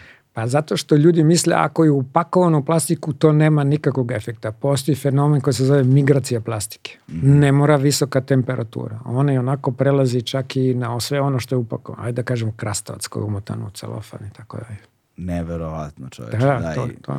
Zapravo, ko, znaš, kad počneš da razmišljaš na takav način, da daješ Bolje da ne onda ne razmišljamo. Da. Da, kako si ti uspe, kako, kako ti u svom životu... Pokušavam upravo ovo što sam rekao. Zaista pokušavam, ali nemoguće. Pokušavam da smanjim eto to neko unošenje plastike. Doduše ne mogu da smanjim vazduh, ne mogu da smanjim eto to Mhm. i pranje a, veša i tako dalje. Ali pokušavam da imam što manje sintetike, pokušavam da što manje koristim plastičnu ambalažu. Mm. I kad idem da popijem kafu, ja naručujem samo ovu, da. Da, u, imao sam, imali smo ovde epizodu jednu a, kada nam je gošća bila a, Dragana Jovanović, doktorka Dragana Jovanović, ona Znam, je pulmološkinja da. i on, Jeste, pulmo, da. onkološkinja. Jeste, znam ženu, da. Da, i, Izvrstan stručnjak, da. Da, sjajna, sjajna, sjajna žena i način na koji govori je zaista divan. Ovaj, ona je govorila uh, sa čime se ona sretala na onkologiji jel Da. te, i na pulmologiji od trenutka kada su počela ova zagađenja. E sada, zanima me s tvoje strane, ovaj, kak, šta je to što nama zagađenje vazduha zapravo radi i pravo ti kažem, malo mi je drago što smo pokrenuli ovu temu sada ono krajem juna meseca ovaj, jer, je, jer je tragično koliko je ta tema sezonski važna. Jeste, samo u grejnoj sezoni. Znači, svi kukaju na zagađenje ono dok ne dođe mart mesec i onda kad se završi grejna sezona više niko ne pominje zagađenje vazduha. A situacija šteta, to je alar, ne, ne ala- alarmantna je bila pre ne znam 10 godina. Sada je Da. sada je katastrofalno. Ovo je sada situacija, izvinjavam se, ali ovo je situacija takva sada da se da da prvi put u životu ono znam ljude koji su u fazonu da ovde treba da se ostane po svaku cenu i da se Da. bori, ali da prvi put u životu zbog ovakvih stvari razmišljaju o migraciji. Da. Jeste, to je jako bitno zato što nažalost naša zemlja spada u red najzagađenijih zemalja na svetu. To tačno pratimo onu statistiku, izveštaje kvaliteta vazduha, pogotovo ovde u Beogradu, je li tako? Da. I nažalost poznato je da i u Beogradu u vreme grejsne sezone postoje takozvani paketići koji mogu da se kupe, to su kao mali oni, hajde da nazvamo vrećice. Mhm. Ne zna se šta je unutra upakovano i služi u toj grejnoj sezoni da ono kad nema ljudi čime da se greju, može i time da se greju.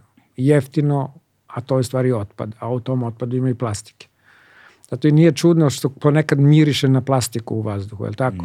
Ali ne mora samo kažem Boga mi plastika. miriše na sve i svašta. Na sve i nemam sva, pojma, tako, ono. ko zna šta sve ima tu. Mislim, ne pričam samo o, o uglju i tako dalje, nego pričam i o, ne zna se zaista, mislim, koje su to i to su čestice reda veličine od do. Da. I sve su one štetne. I dokazano je da ljudi koji žive recimo u zagađenim uslovima imaju problem sa sterilitetom ili gube ranu trudnoću, znači ono negde između I to je šeste dosta česta stvar. jako često dokazano mali milion puta.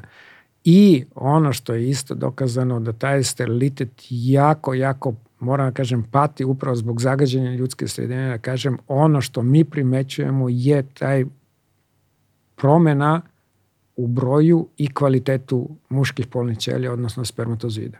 A kod žena nedostatak one rezerve jajnih ćelija koja je najveći problem jer za to nema leka. Da.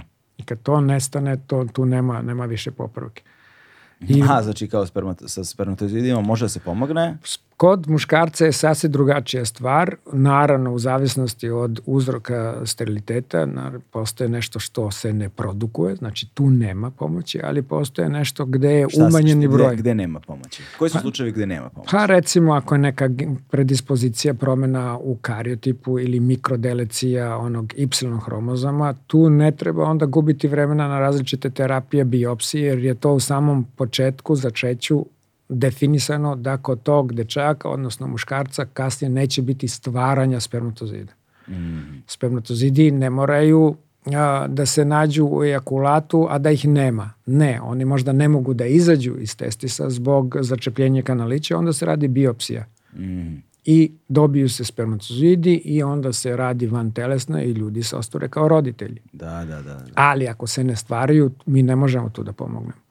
Jasno. I Da. to je velika sad uloga um, zagađenja ljudske sredine, Znači zagađena ljudska sredina krej, je jedan od uzročnika. ali to koji- je jedan dan. Način ishrane, Mm, I to je Na- isto. Naravno, znači način ishrane po principu um, da li mi jedemo neke um, hajde kažemo biljne preparate koji u sebi sadrže fitoestrogene, odnosno hormone, koji mogu da pro, dovode do promene, promene hormonskog statusa kod žene i kod muškarca. Mi smo videli opet na modelu, i to smo isto objavili, na modelu smo videli kod miša da je proizvodnja testosterona prepolovljena kod mužjaka ukoliko se oralno, znači putem vode dobijaju ovaj polistiren, odnosno plastiku i videli smo čak i promene u ponašanju tih životinja. Strah. Mm, stvarno? Tako je, da. Znači, to Vidiš, je... to nisam, o tome nisam uopšte razmišljao. Jeste, da, jeste, da. jako interesantno, to ne mora da bude nešto, ajde da kažemo, organski pa da primetimo nešto. Znači, Da. i može da dođe, eto, kod tih životinja do, došlo do a, promena, postoje tu testovi, to se zovu takozvani u polju testovi, lokomotorni testovi, testovi labirinta i tako dalje. Mhm. I onda smo tu videli da mužjaci a, ovaj, zaista pod uticajem zagađene vode ovaj, um, Da. se ponašaju drugačije u odnosu na kontrolnu grupu, Da, to je taj strah. I imao sam, imali smo još jednu gošću ovde, ovde u malom okruglom stolu koji smo napravili kada smo govorili o Rio Tintu jel Da. te, i bila je profesorka Biljana Đorđević Mhm. koja je govorila o tome da su istraživanja pokazala uh, kod tih brojnih zagađenja da zapravo uh, opada, sad je ne, nezahvalno govoriti o koeficijentu inteligencije, ali za kolokvilnu upotrebu u ovom razgovoru, dakle da opada zapravo uh, koeficijent inteligencije, odnosno da opada inteligencija kod ljudi a, u zagađenim sredinama, posebno kod dece u tom razvojnom periodu. Tako Mislim, je. znamo za, iz istorije za trovanja olovom koja su Jest, kreirala jest. brojne stvari, tako da to nije toliko nov podatak, ali... Ali se poklepa sa ovim, ovaj, novim, tako je, ovim da, podatkom. ali, ali je tragičan u tom pogledu, ali nisam nikada razmišljao zapravo o promeni ponašanja. Da. Dakle, da nešto može da utiče na tvoj emocionalni uh, da spektar, ono, emocionalni svet i, i na Pa može. psihološka stanja. u Naravno da može. Naravno, ako smo rekli da je testosteron koji je jako bitan hormon prepolovljen, onda naravno da ima neke svoje posljedice, a to je i dovodi do promene u ponašanju tih mužjaka, je li tako? Da, da. E sad, koliko znamo o tome u, kada su ljudi u pitanju? Znamo dosta toga, ali ne dovoljno. Znamo Šta da- znamo i koliko znamo? Pa znamo recimo da utiče na rezervu jajnih ćelija, to je onaj hormon koji se zove anti-Millerov hormon. Znamo da utiče ovo što sam pomenuo na broj i kvalitet spermatozoida. Um, ne znamo kakve su posljedice toga ako su to su, pošto su to polne ćelije, šta se dobija, šta se stvara time kada se spoji jedan spermatozoid i jedna jajna ćelija koji u sebi nose neke informacije, a te informacije su nastale pod uticajem zagađene ljudske sredine. Da li je to odgovor na pitanje zašto nema trudnoće? Da li je to odgovor na pitanje zašto se gube te rane trudnoće? Jako, jako često. To je, to je naš, da. naš veliki problem zato što mi ne, vi- vidite ne ne- možemo da damo odgovor na to pitanje Da. jer mi to ne možemo da vidimo, niti imamo pristupa da možemo to nekako da analiziramo, niti, nažalost, postoji solidna metoda koja će dokazati nanoplastiku ili mikroplastiku u tom materijalu. Ne postoji specijalno bojenje neko kao kod drugih nekih elemenata. Problem je upravo to što sam rekao, da se ta plastika ogrne i prekrije nečim i onda se kamuflira i vrlo je teško je naći. Mm, a to je, vidiš, to je, dakle, vidi, vidite da se u društvu jasno, statistički je nedvosmisleno. Vidi Tako se rast, vidi se promena. Da. Pretpostavljate potencijalne uzroke, ali zapravo ta kauzalna veza ne može da se empirijski dokaže. Pa bit će dokazana mm, nažalost kada prvi put se dokaže recimo kod bebe, pošto je dokazano i u majčinom mleku prisustvo, ovaj, Nanoplastike. tako je. Znači, bit će dokazano, to je samo pitanje vremena. Pitanje vremena da se ta tehnologija toliko razvija da ja mogu da je dokaz iz uzorka krvi, kao što se sada radi za neka biohemijska istraživanja, odnosno analize, bit će tada. tada. I onda će opet da bude alarmantno, ali nekako čovek, ono, kad čuje tako alarmantno, već se uplaši na ono jednu nedelju dana, posle toga dođu nove brige i onda se opet to potisne i zaboravi. Nažalost, problem sa, sa zagađivanjem i sa nanoplastikom i mikroplastikom je taj kumulativni efekt. Ne pričam samo o akutnom koje smo mi u laboratoriji pokušali nekako da ono što se dešava ako je neko u fabrici guma izložen Da, odjednom da. udahne i tako dalje, nego a, to je kumulativno dejstvo zato što, kažem, mi svakodnevno manje više unosimo tu plastiku, a mi nemamo neke specijalne enzime koji će to razgraditi. Sad je pitanje te nanočestice šta rade mitohondrijama i svim onim ćelijskim organelama koje su bitne za funkcionisanje ćelije. E, Jel znamo šta im rade ili pa, samo pretpostavljamo? Kad, videli smo i to, da se gomila to i to se stvaraju vakuole i te vakuole jednostavno zuzimaju prostor u ćeliji.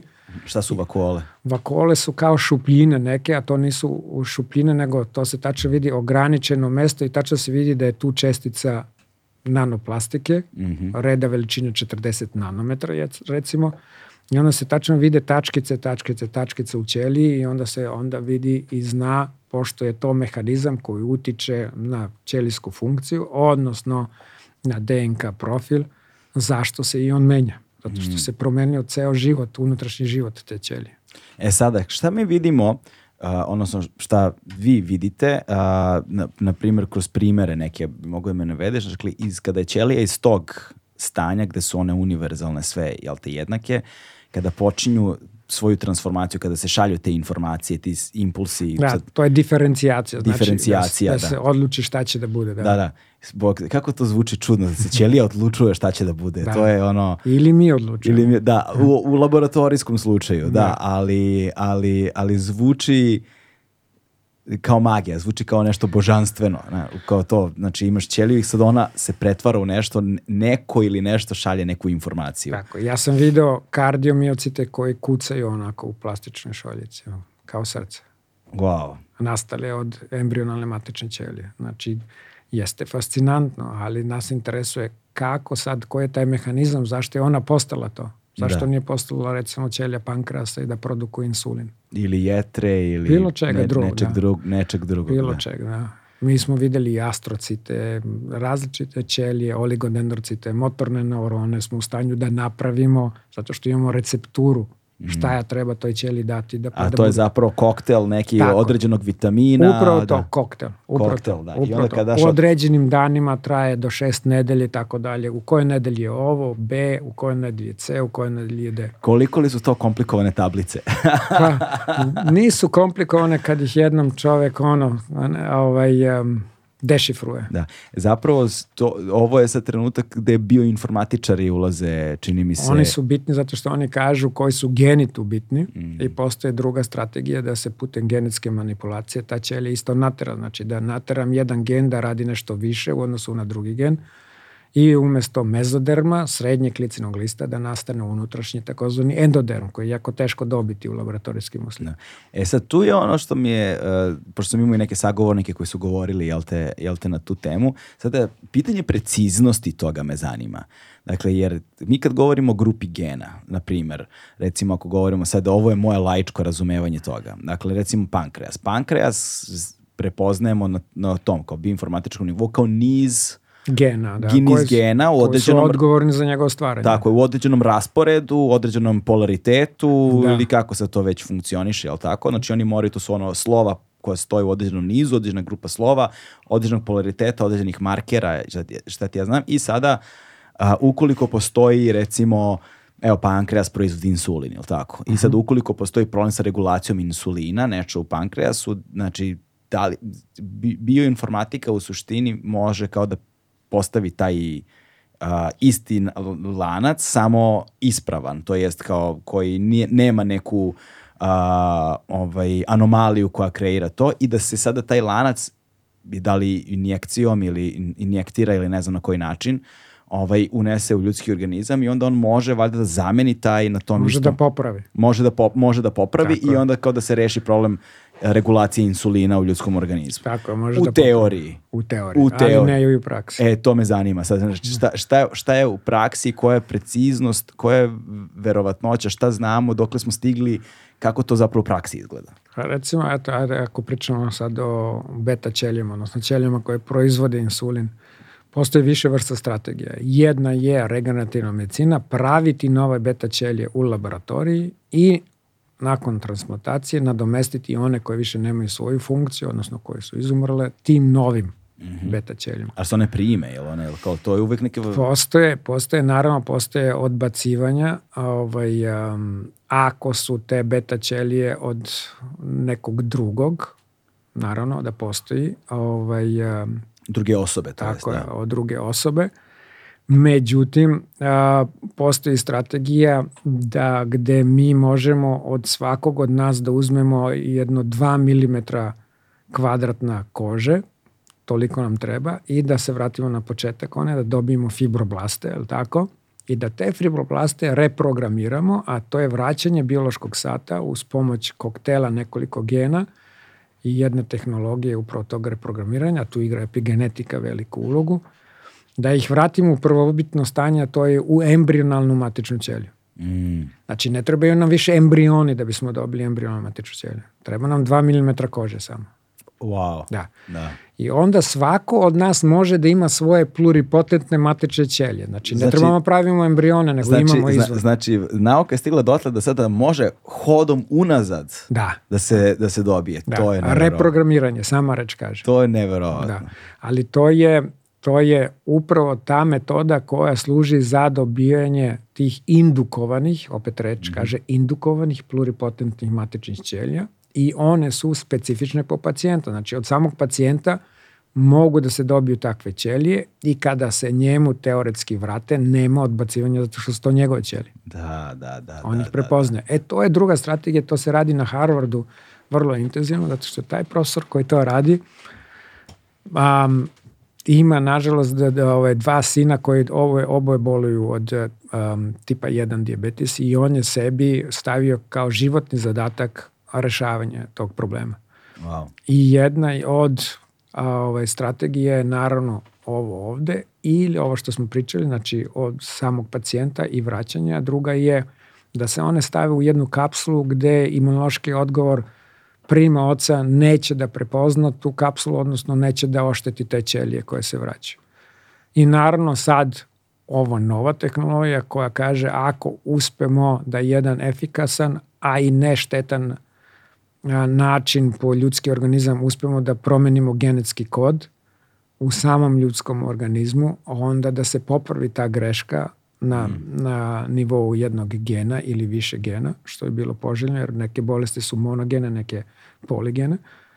Onda bismo tu koristili onda ovu CRISPR metodu koja služi nije nešto drugo nego makaze koje jednostavno seku tamo gde je kvar i nadomeste tu pogrešnu ciglu pravom ciglu. No. Da.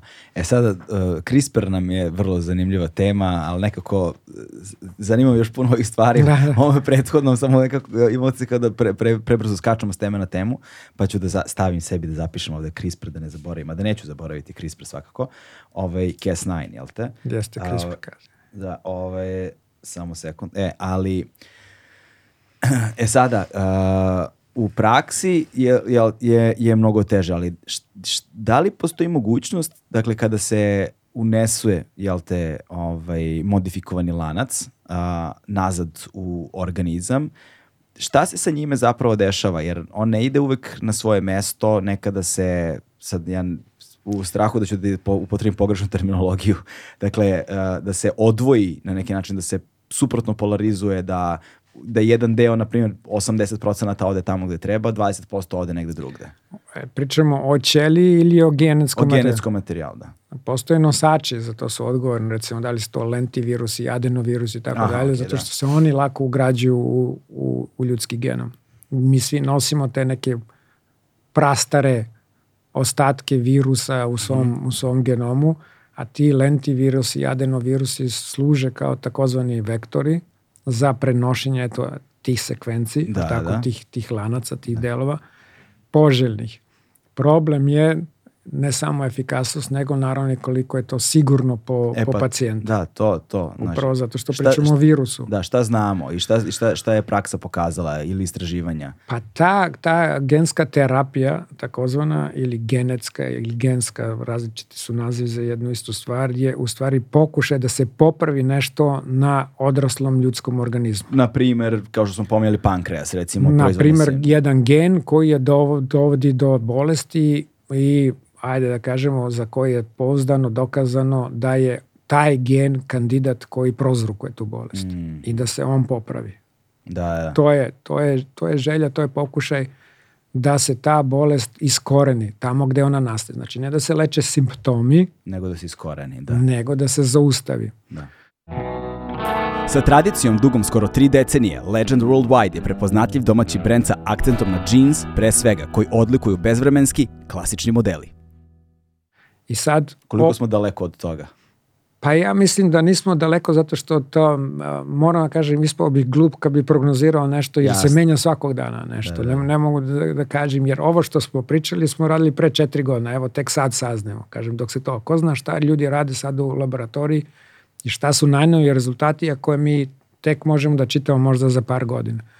Ali ja sam ubeđen da ide u tom pravcu, jer sa razvojem eto, te grane, a da kažemo moderne medicine, uz pomoć genetike, naravno ih, e, ovaj, i svih tih metoda koje krase eto, tu oblast genetike, a to je manipulacija, odnosno iskorjenjivanje tih mutacija, odnosno pogrešno upisanih gena, da se leče te bolesti. Koliko će to biti efikasno u jednom kompleksnom organizmu kao što je čovek, to je veliki znak pitanja. Zato što svaka ćelija nosi tu pogrešnu informaciju. To je veliki problem. Da. Drugačije, recimo, ono što smo pričali o embrionu u Kini, pa su onda ona tu uspeli da zamene i da dobiju zdrav embrion. Hajde samo da objasnimo to, ovaj, mislim i taj, na tom konkretnom slučaju, recimo Mhm. šta su tačno radili i da, i da to bude prilika recimo da, da pojasnimo CRISPR. Da. Znači oni Za, su... za početak šta znači CRISPR? To je skraćenica, ali ja nikad, nikad neću pamtiti. Pa to je skraćenica koja objašnjava u stvari proceduru koja se dešava u prirodi, kako se bakterije štite od, a, ovaj, a, od infekcije virusima i ta nije ništa drugo ono što smo rekli u stvari označava tu neku genetsku makazu koja seče ono mesto koje dovodi do bolesti. Mm, okay. Ono što je bitno u ovom lepom primjeru sa embrionima je da se taj genetska informacija promeni na nivou ranih embriona i to je razlika u odnosu na ljudski organizam zato što ti rani embrioni ako su trećeg dana imaju 5 do 8 ćelija, ako su petog dana u onom stadijumu blastociste ima negde od 60 do 100 ćelija. Znači to je mali broj ćelija Da, da. koje može da se manipuliše u laboratorijskim uslovima. I sad ja moram tu da dodam još jednu stvar koja je jako bitna, a to je ono što se sve više radi, a što je trenutno zabranjeno, ali će možda da se promeni kad se vidi koliko je tu prednost, jer ono što mi radimo trenutno je i takozvana preimplantaciona genetska dijagnostika, a to je selekcija embriona, ako imamo roditelji koji je dokazano da nose u sebi neku naslednu bolest i žele da imaju zdravo dete. Ok. Znači onda se radi van telesna, ta van telesna omogućava da dobijemo embrione u laboratorijskim uslovima i da ih ispitamo, znači da radimo skeniranje, odnosno selekciju embriona koji nose tu informaciju da će dete biti bolesno i embrione koji nemaju tu informaciju i kažu da će to dete biti zdravo, neće patiti od te bolesti. A, zabranjeno je ovaj, a, Ne svuda. ne svuda, da. Šta su zapravo etičke ono, dileme? Zabranjeno je promjena genoma putem CRISPR metode, ali ova selekcija nije zabranjena.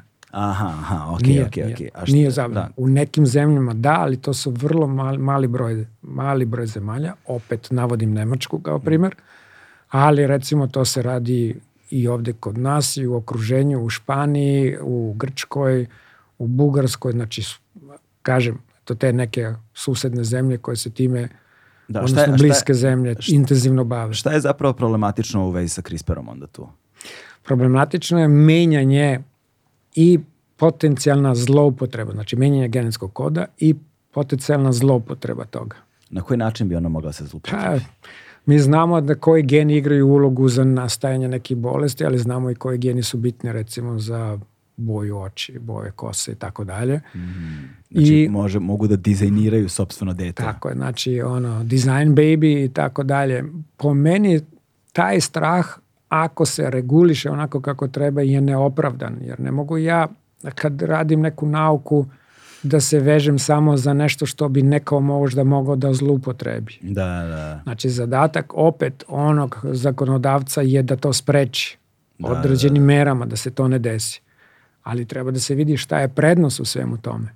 Da, mi tu zapravo dolazimo sada na pod, područje ono filozofske rasprave. Da, u suštini, jer nekako nešto što sam barem za svog života primetio jeste da jedna, jednom otkrivena tehnologija čega god, jednom stečeno znanje ili saznanje o nečemu uvedeno u društvo se više ne povlači. Ono je tu. Mi to sad znamo i nećemo mi sad to eliminisati i kao ukinuti kao pravit ćemo se da ne znamo ili zabraniti, to se više nikad neće koristiti.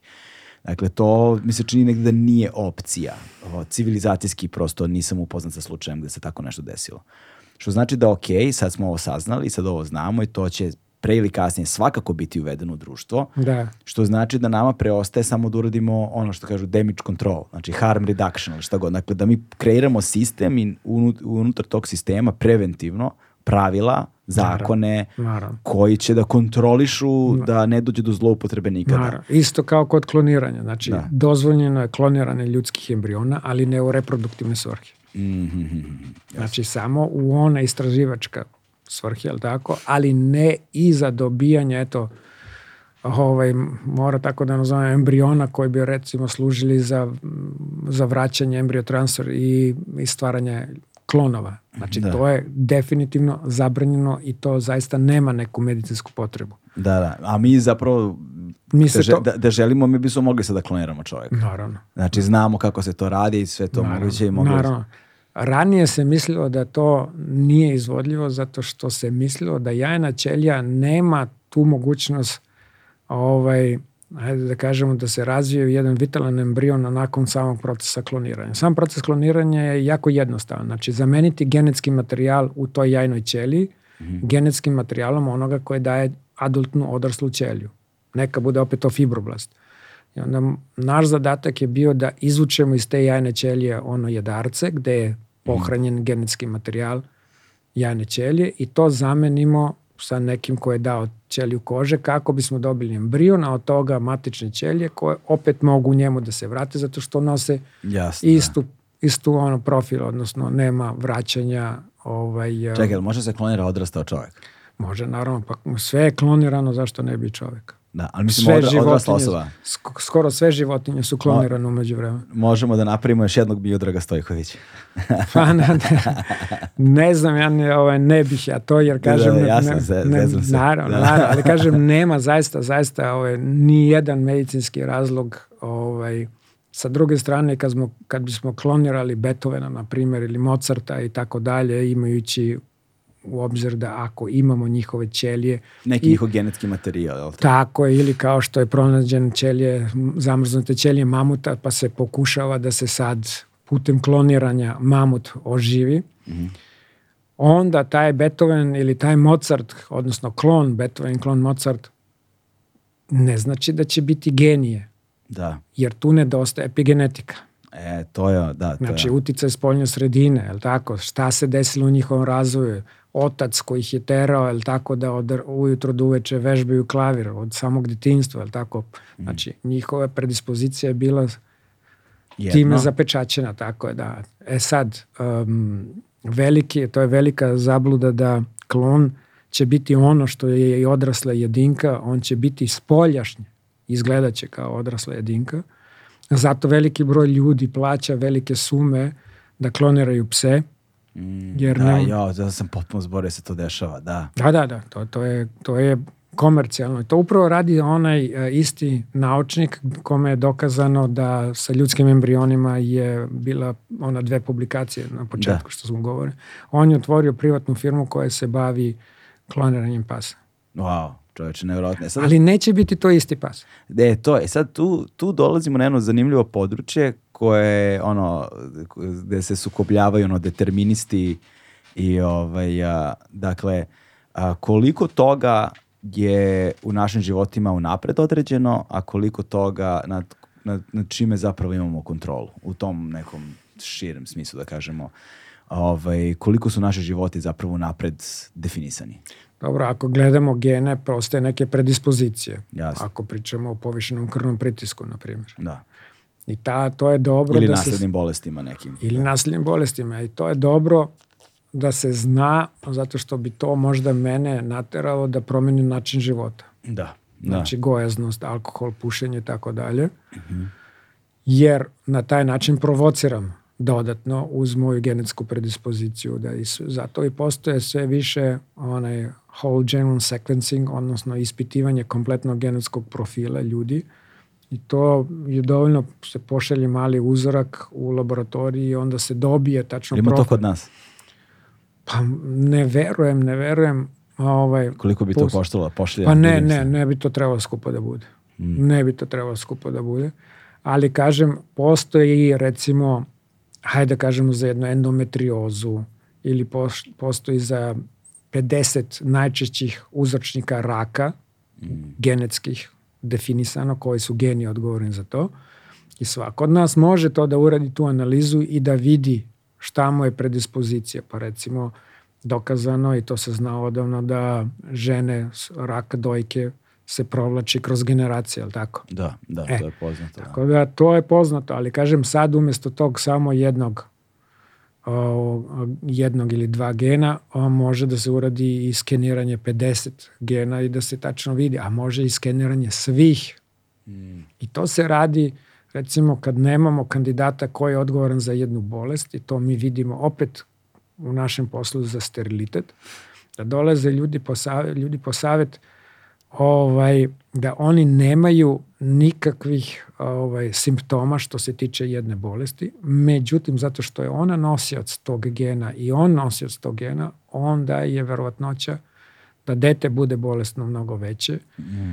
I naravno onda njih interesuje kako da spreče to, e onda se vraćamo na skeniranje embriona, e tu eventualno ako se već stvori embrion i gde ljudi nemaju šansu da dobiju zdravo potomstvo osim skeniranja embriona, ali ako su svi abnormalni, na primjer, onda da li je tu CRISPR onda rešenje. Rešenje. Da. To je to etičko pitanje, ali kažem to je trenutno trenutno zabranjeno, ali to ne znači da, da će se sa a, razvojem medicine i tehnologije to tako i održati, jer upravo to šta je pozitivno treba da se iskoristi, a ono što je zloupotreba treba da se u samom početku zabrani.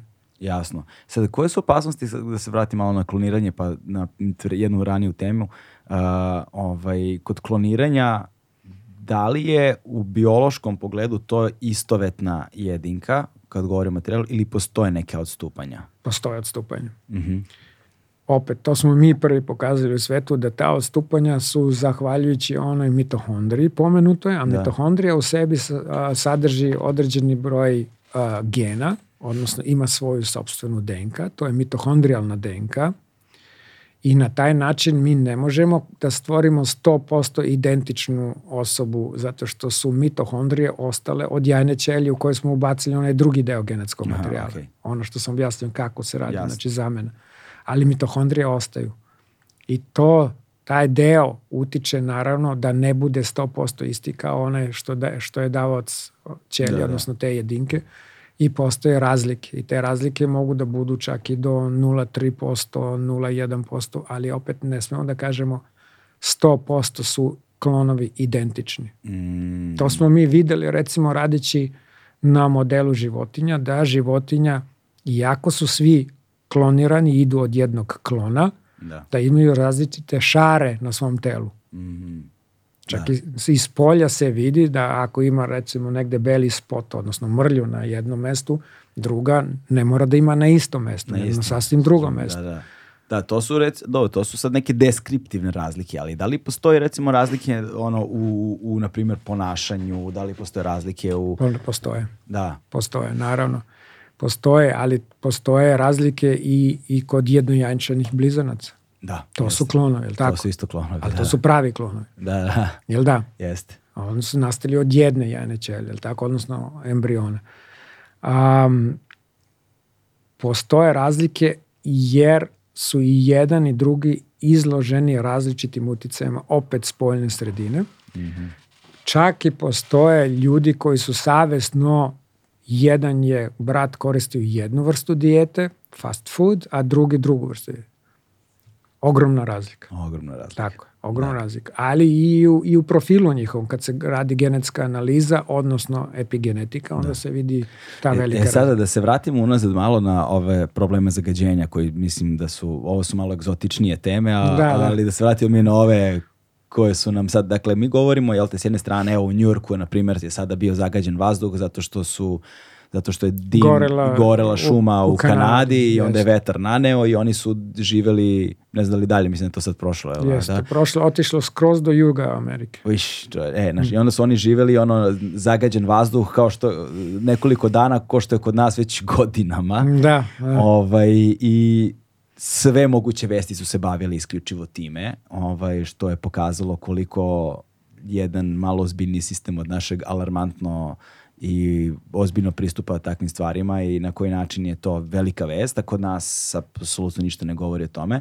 Jedna stvar je akutna, druga stvar je ova hronična. Da. Odnosno, um, kumulativno, jel te, gomilanje a, onoga što zagađen vazduh nosi kroz spaljivanje, jel te, različitih stvari, to je sad od plastike do različitih metala, sad, ja sam sad pozaboravljao Dobro, koji, da, su, koji, to- su sve, koji su sve ključni, ali da, da li ste vi u laboratorijskim uslovima a, jel te, radili istraživanja sa tim elementima, dakle, koji nisu mikroplastika i Mi nanoplastika? ne, ali drugi da. Drugi da, šta možeš Čak da i nam kažeš u? Srbiji postoje par grupa koje se time bave. Mhm.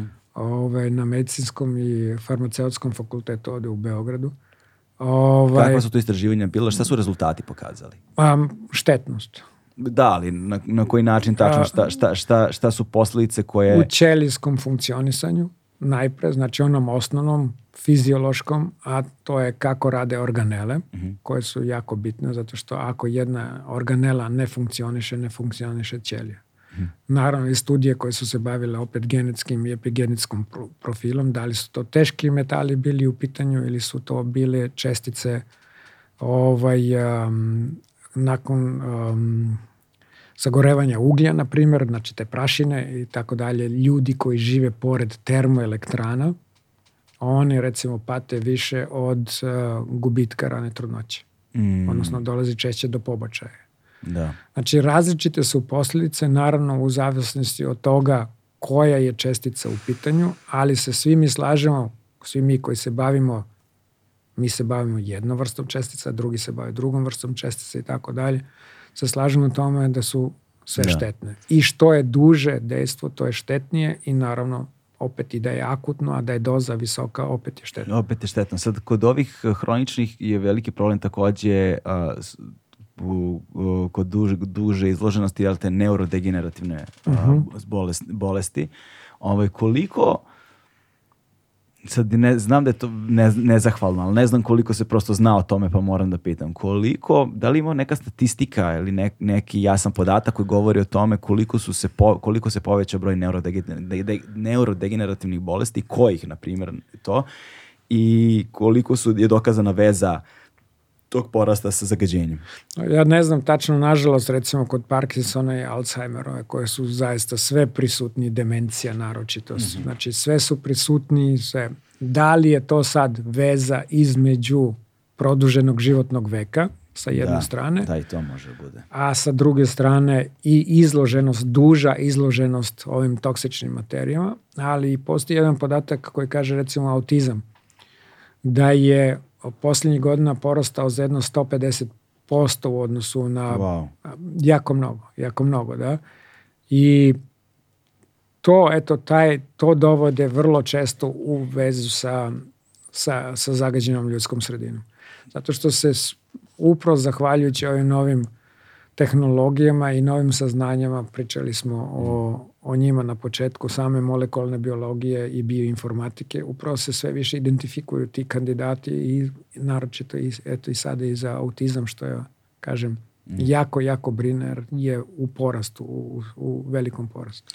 E, a, kada govorimo o sterilitetu, ovaj, dakle, mi se srećemo sada u, sa, u rekordnom broju sa, sa problemom, Ovaj, a ja često o, prijateljima kad razgovaramo tako, malo u šali, malo u zbilji savjetujem, ajde kao, znaš, počni prvo za početak da se e, hraniš zdravo, znaš, da svaki dan ideš u isto vreme u krevet, počni da se Da. baviš fizičkom aktivnošću, znaš, prestani da pušiš, da piješ, da, Da. se drogiraš, ja ti ja znam, pa da vidimo, i na jednu godinu dana tako, pa da, i to oboje, znaš, pa da vidimo ovaj, Da li kak- daje rezultate, Da li da. daje, da li daje rezultate. Ovaj, jer nekako mi se čini da jeste, bez obzira na ovo čemu govorimo, da je jel te, multifaktorijalna stvar ovaj, u, u pitanju i da I naravno, još jedna stvar koja mi se tu čini da je ključna je negde stres, verovatno. E, sad mene zanima šta je on, nauka tu, o, po, šta je nauka tu pokazala i koliko zapravo, a, šta su najveći uzročnici steriliteta ukoliko je tako nešto uopšte moguće znati? Zna se, zna se, da, Da. zna se, naravno.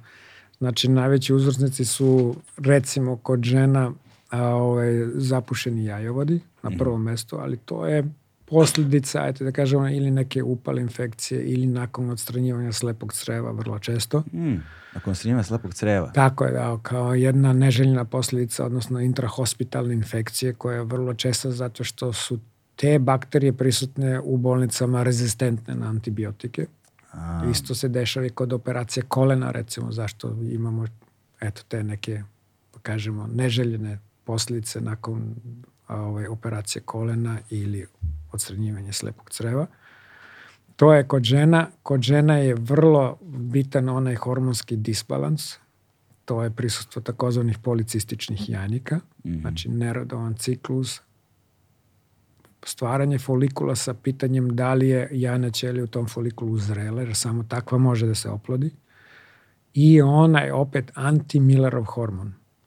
I taj anti-Millerov hormon je naša najveća glavobolja, zato što se taj hormon troši i to je individualno. I velika je zabluda reći jednoj ženi vi ste mladi, ne trebate da brinete, a da se ne uradi taj hormon. mm, Jer može na izgled da bude sve u redu, ali ako tog hormona nema, to znači da rezerve jajnih ćelija nema, to znači da nema jajnih ćelija. I nema veze sa godinama, individualna je stvar. To je individualno, tako. Dakle, šta je anti-Millerov hormon? Antimilor hormon određuje uz to je nivo koji nam pokazuje gde je biološki sat te žene po pitanju eto te želje da se ostvari kao majka. Mhm.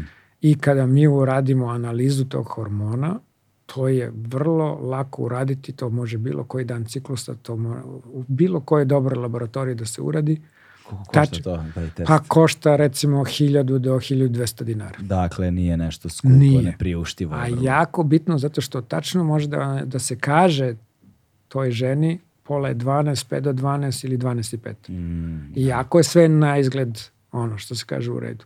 Da. Znači to je, to je ono što mi u Leskovcu uvek kažemo prvo da se to uradi pa da vidimo jer da ne tražimo negde nešto a, a nešto ne možemo da pomognemo i moramo da damo savjet takvim ljudima šta je eventualno solucija B kad nema više jajnih ćelija. Mhm. Druga stvar, opet se vraćamo na muškarce, je način života. Za jako- muškarce je mančin O, života. Način života. A Naročito način ishrane, odnosno ne kretanje, pušenje, jako bitna stvar. Kad ja uzmem i gledam onaj spermogram i kad pogledam jednu stavku, a to je morfologija spermatozida, kako je građen spermatozoid, on ima glavu, vrat i rep i na osnovu toga tačno se vidi da je normalno ili abnormalno građen. Pitanje je kad se vidi da ima više tih abnormalnih koje se prvo postavlja da li je ovaj, dotični pušač ili nije. Wow.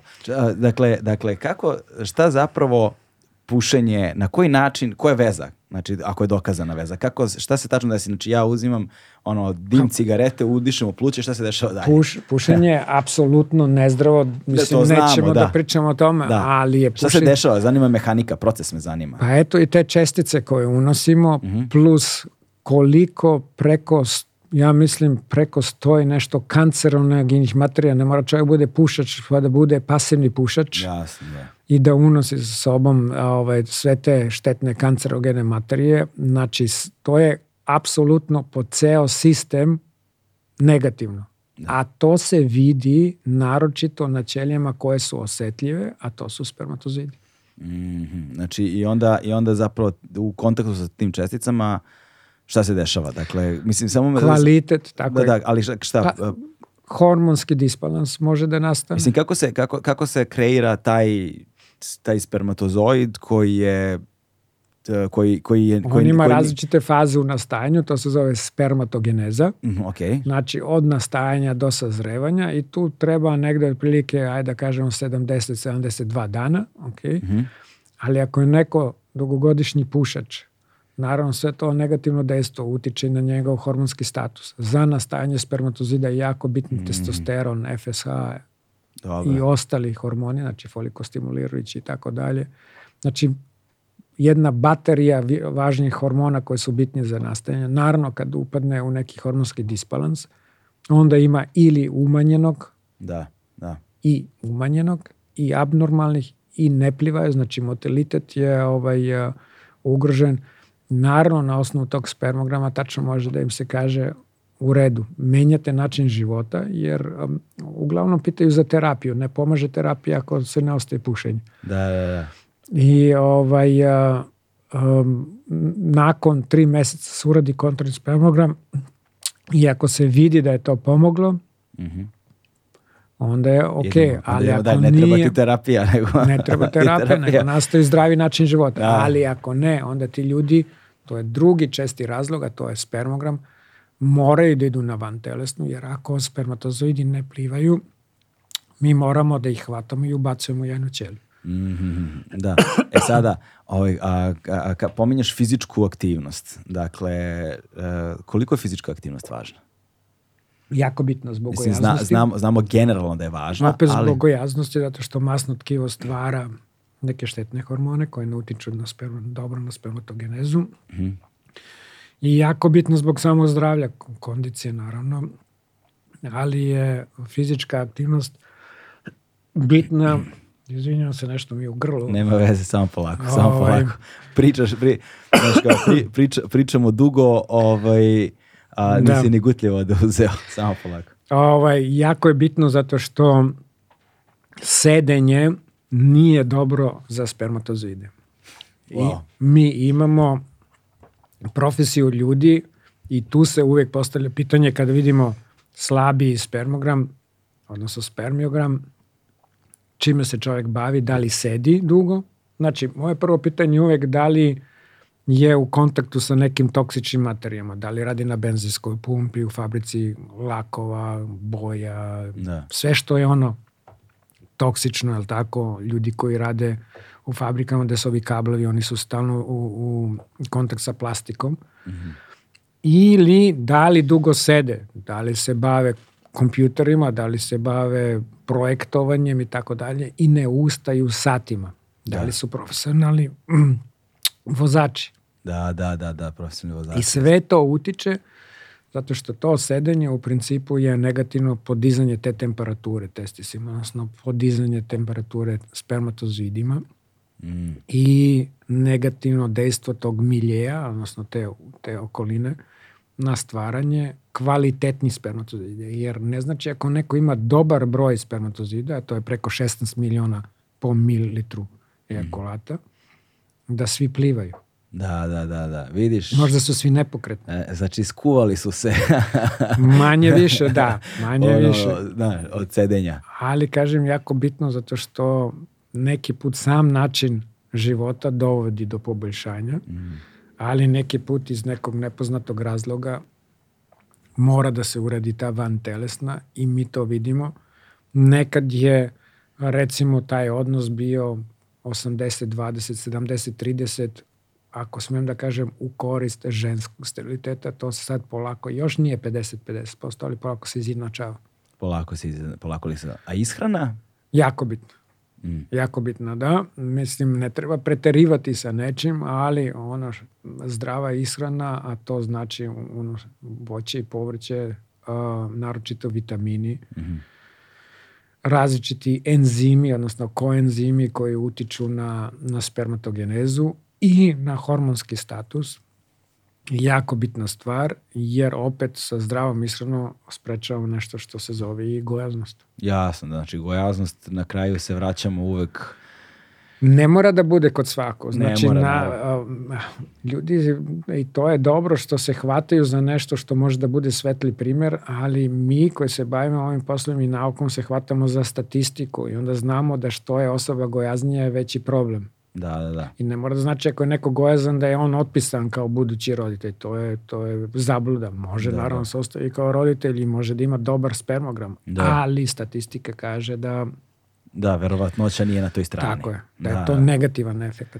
Da, vidiš, zanimljivo je to. Nisam, nisam, nisam znao, ovaj, dobro, nisam, nije da, ni da sam se bavio, ali nisam znao da zapravo u slučajevima kod žena je uh, i u, sluč, u među žena i muškaraca da je zapravo kod muškaraca mnogo više u njihovim rukama što se tiče ono kontrole plodnosti. Jeste i kod muškarca je još jedan, ako smijem da kažem, plus, zato što ako stvara spermatozide, on može da se ostvori kao roditelj iako stvori samo pet spermatozida. Da, da, da. da Kod dovoljno. žena je veliki problem zato što samo troše jane ćelije, a nove jane ćelije se ne stvaraju. Mhm. Što znači to svakog meseca ide ka nuli i u jednom trenutku biće nula i onda nema više popravka. Ne, ne, ne može da se pomogne više u tom slučaju. Da, da, da, da. E sada, ovaj, ti si otvorio kliniku ovaj, u Leskovcu koja funkcioniše, koliko dugo već radi? 15 godina, ove godine slavimo, da. 15 godina, svaka čast. Ovaj, I redovno postavljaš na Twitter fotografije. Da, jel? redovno, redovno. I, I primetio sam jednu stvar, a to je da, su, da se često dešavaju blizanci. Jest.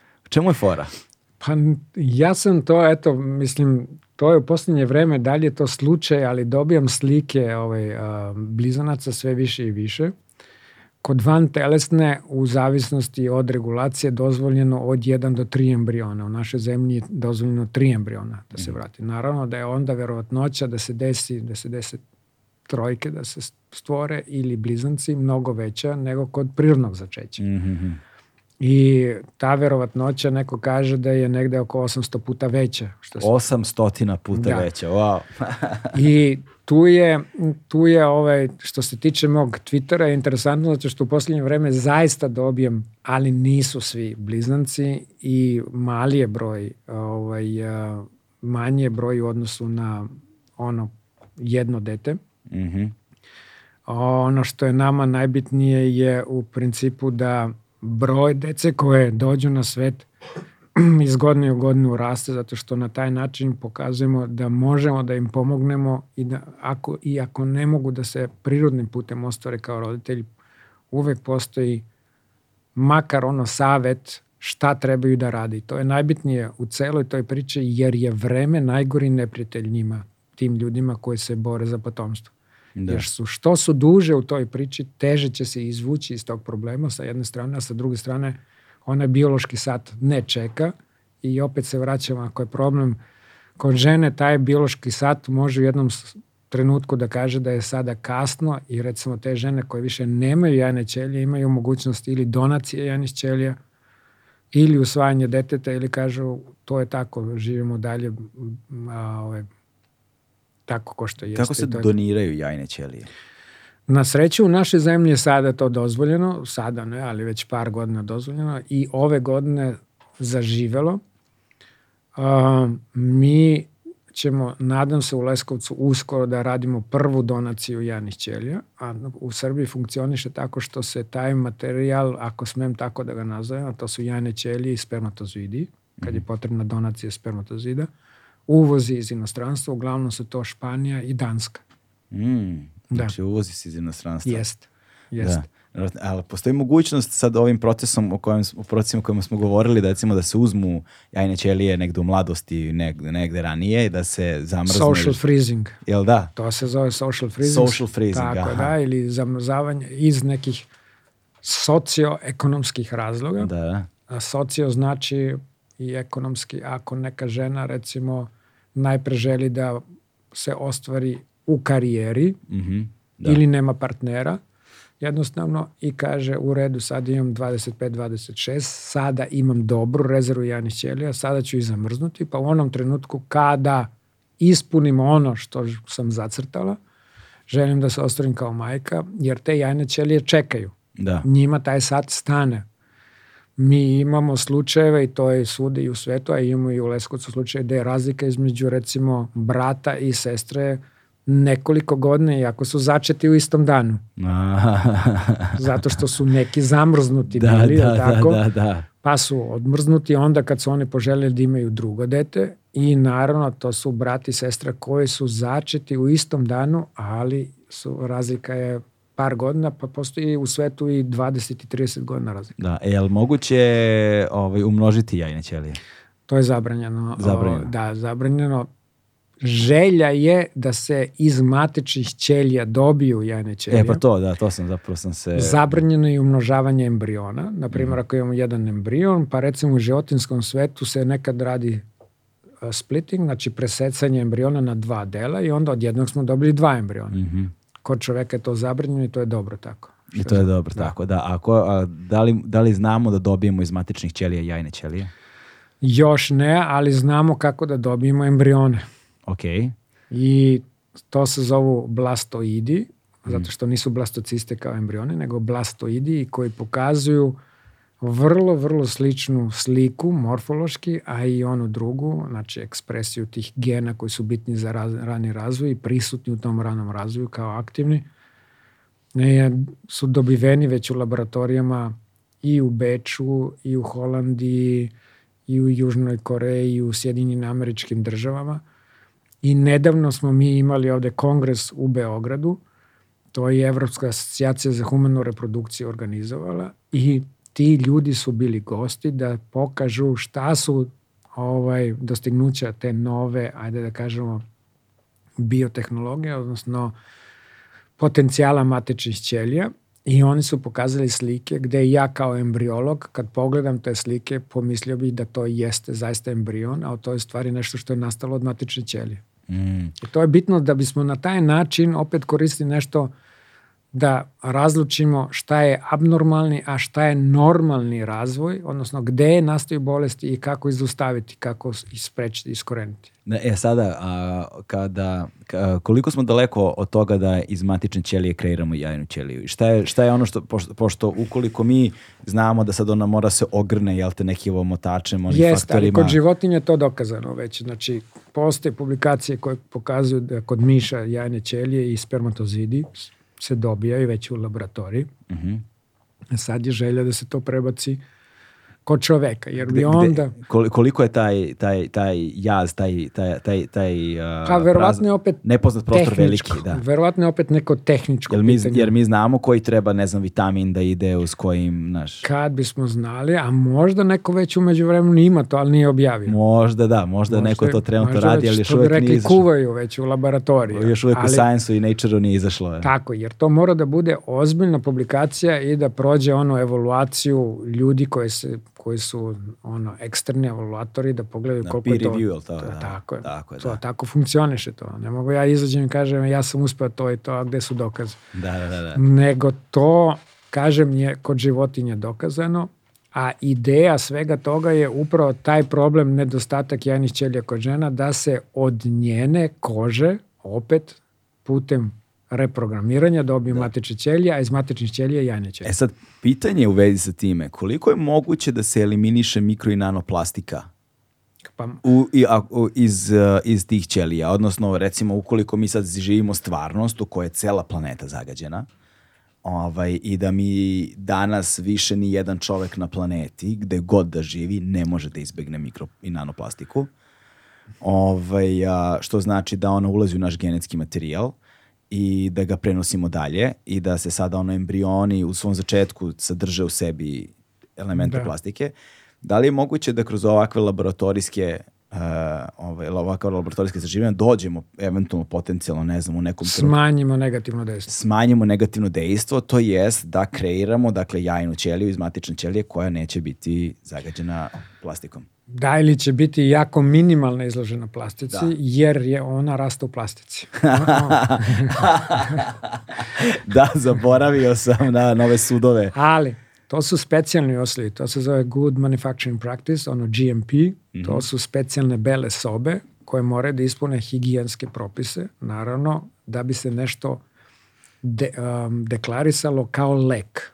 Kao da. što se lekovi pakuju ono u skafandarima i tako dalje, znači ono sve mora da bude čisto, tako i kad se spremaju matične ćelije za transplantaciju, moraju da ispune te uslove, znači ne samo da je efikasna, nego da je i sigurna po pacijentu, znači da nema, da ne unosimo infekciju putem da, da, da, tim. Da. A samim tim i da ne unosimo neke štetne, toksične materije, na primer, eto tu plastiku. Je sad muka kod plastike nismo definisali, još ne znamo koliko toga Mm. I gde smo tu, šta treba definisati kao štetno, jer kažem, nigde na svetu ne postoji definicija svega toga u odnosu na taj laboratorijski materijal, naravno. A sa druge strane imamo opet lekove koji u sebi nose čestice plastike. Znači, spremaju se, ulazi u recepturu jednog hemijskog preparata. Da. Tako da je to malo sad ono kontroverzno pitanje, ali ja se nadam da kroz ovo što se sve više razvija, kakav je efikat nano i mikroplastika na ljudsko zdravlje, da to bude definisano. To je u stvari svrha, eto, 2019. godine i onog mog, um, moram da kažem, zapanjenja i iznenađenja da niko se time ne bavi i da, Da. da kaže, da definiše šta to radi, da to pomogne i kažem sad na sreću sve više ljudi i grupa se bave time jer su prepoznali i ne samo oni nego i hajde da kažemo oni koji finansiraju, to su države, odnosno ustanove, odnosno a, različite mogućnosti za dobijanje projekata, da stimulišu taj istraživanja, Da. da na taj način se opet, ja se stalno vraćam, na zakonodavca se natera da definiše neke stvari. Da, ove u skafandarima sam viđao ovaj, često, pošto sam ja dugo godina živeo blizu Torlaka instituta. E, znaš, i onda- tamo gde se prave tako, da, da. vakcina recimo, da. Ali u Torlaku recimo nisam viđao, tamo sam uglavnom viđao noću kad prola- prolazim, na primjer, i posebno ukoliko bude magla. E, I onda se vidi, oni su pod neonskim svetlima. Da. Nemaju ova obična svetla, nego, Da. nego neonska svetla izgleda onako kao X-Files da gledaš, kao da si X, ako drvored, magla i kao neonska svetla, ali niže, pored farmaceutskog fakulteta ima institut za molekularni, IMGG, da, jeste. da, da, da, molekularni inženjering. E, tu sam viđao ove u skafanderima. Da. Dobro, to je da, ako se radi sa nekim patogenima, ma- a, da li su bakterije ili virusi sa jedne strane, ali sa druge strane, ako pričamo o belim sobama, nemaju one prozore i nemaju, to je sasvim jedno izolovana jedinica Da, da. i to za klaustrofobične ljude nije. Da, da, da. Jer smo mi u Španiji i u Velikoj Britaniji imali takve uslove i to je zaista jedan specifičan posao gde se ulazi u prostorije u kojima apsolutno vlada kontrola svega. Mm. Znači ti ljudi koji rade tamo, tačno se piše šta se unosi, tačno se piše šta se iznosi i tačno se piše vreme u koliko sati je dodato A, u koliko sati je dodato B, u koliko sati je rađeno C i tako dalje. Znači to je stroga kontrola zato što mora da ispuniti te higijenske neke Mm, zahteve. Sanitarne, to da Tako je, bude tako. sterilno, da bude... Mora, da, zato se zove bela soba, da. Da, bela soba, to sam vidio da ima ovi u, i u različitim industrijama proizvodnje tih nekih Jeste. ovaj, Jeste. a, materijala koji su strahovito teški da se Pa i oni čipovi, one, čipovi, tako. to je sve, sve isto sobe, tako, Tako, da, da ne bude prašina, tamo, da. Da, sam gledao tamo kad su pravili ovaj, to sam gledao na snimke, kad su pravili James Webb teleskop, pa Da. kad su pravili ovo gledalo. Pa da, ne smije, ne, Nema- ne, ma ništa, ne, nano čestica prašine, tu vladaju posle, posebni uslovi pr- vazdušnog pritiska, znači kad neko otvori vrata, da. Da. ne ulazi vazduh, nego on ga vuče. Da, da, da, da, čoveče, koji je to inženjering u pitanju, Pa Jeste, ozbiljan. jeste, ozbiljan. jeste i kažem to je to je ovaj jako zahtevan, jako težak posao i jako skup upravo stvoriti takve uslove zato što mora to da ovaj postoji budžet za održavanje Da. i za njegovu isplatljivost jer samo taj proizvod koji se odatle iznosi, odnosno šalje dalje. To mora da bude deo nacionalnog interesa, zato što Trebalo bi, za da. zemlje poput naše Trebalo to bi. moralo da se finansira. Tako je, trebalo bi i mi bismo trebali da imamo takav jedan institut, odnosno jednu zaista, ali zaista banku. Kod nas su kontejneri sa tečnom azotnom, azotnom već deklamovani kao banka, to nije banka.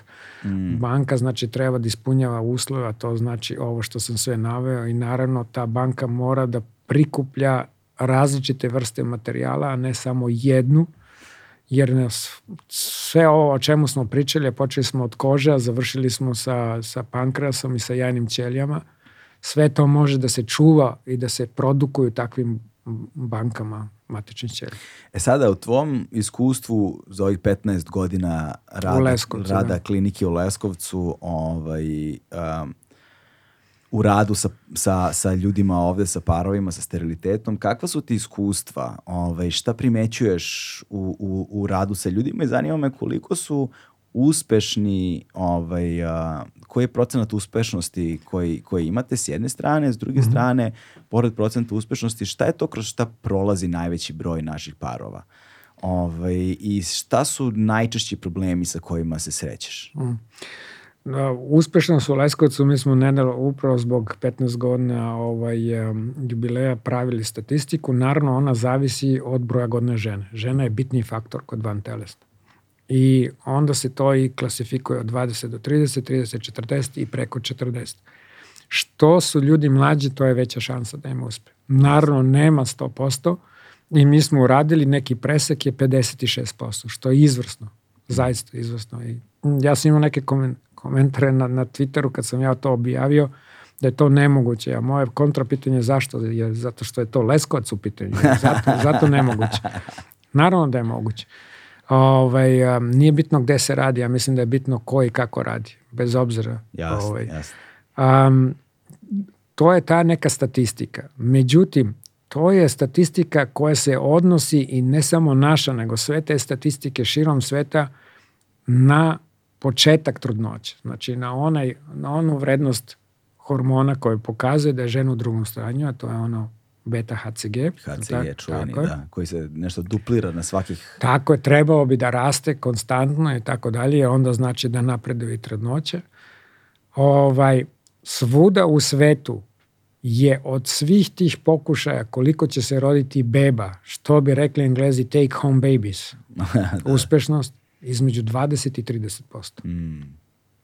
E, onda znači, imamo, znači 56 je začeće, tako, 56 a 20, 30, 20 do 30 je svuda u svetu. Svuda u svetu. I onda imamo tu jedan veliki problem, a to su one kritične nedelje u ranoj trudnoći između 6. i 10. Mm. kad se ne zna zašto se gubi ta rana trudnoća.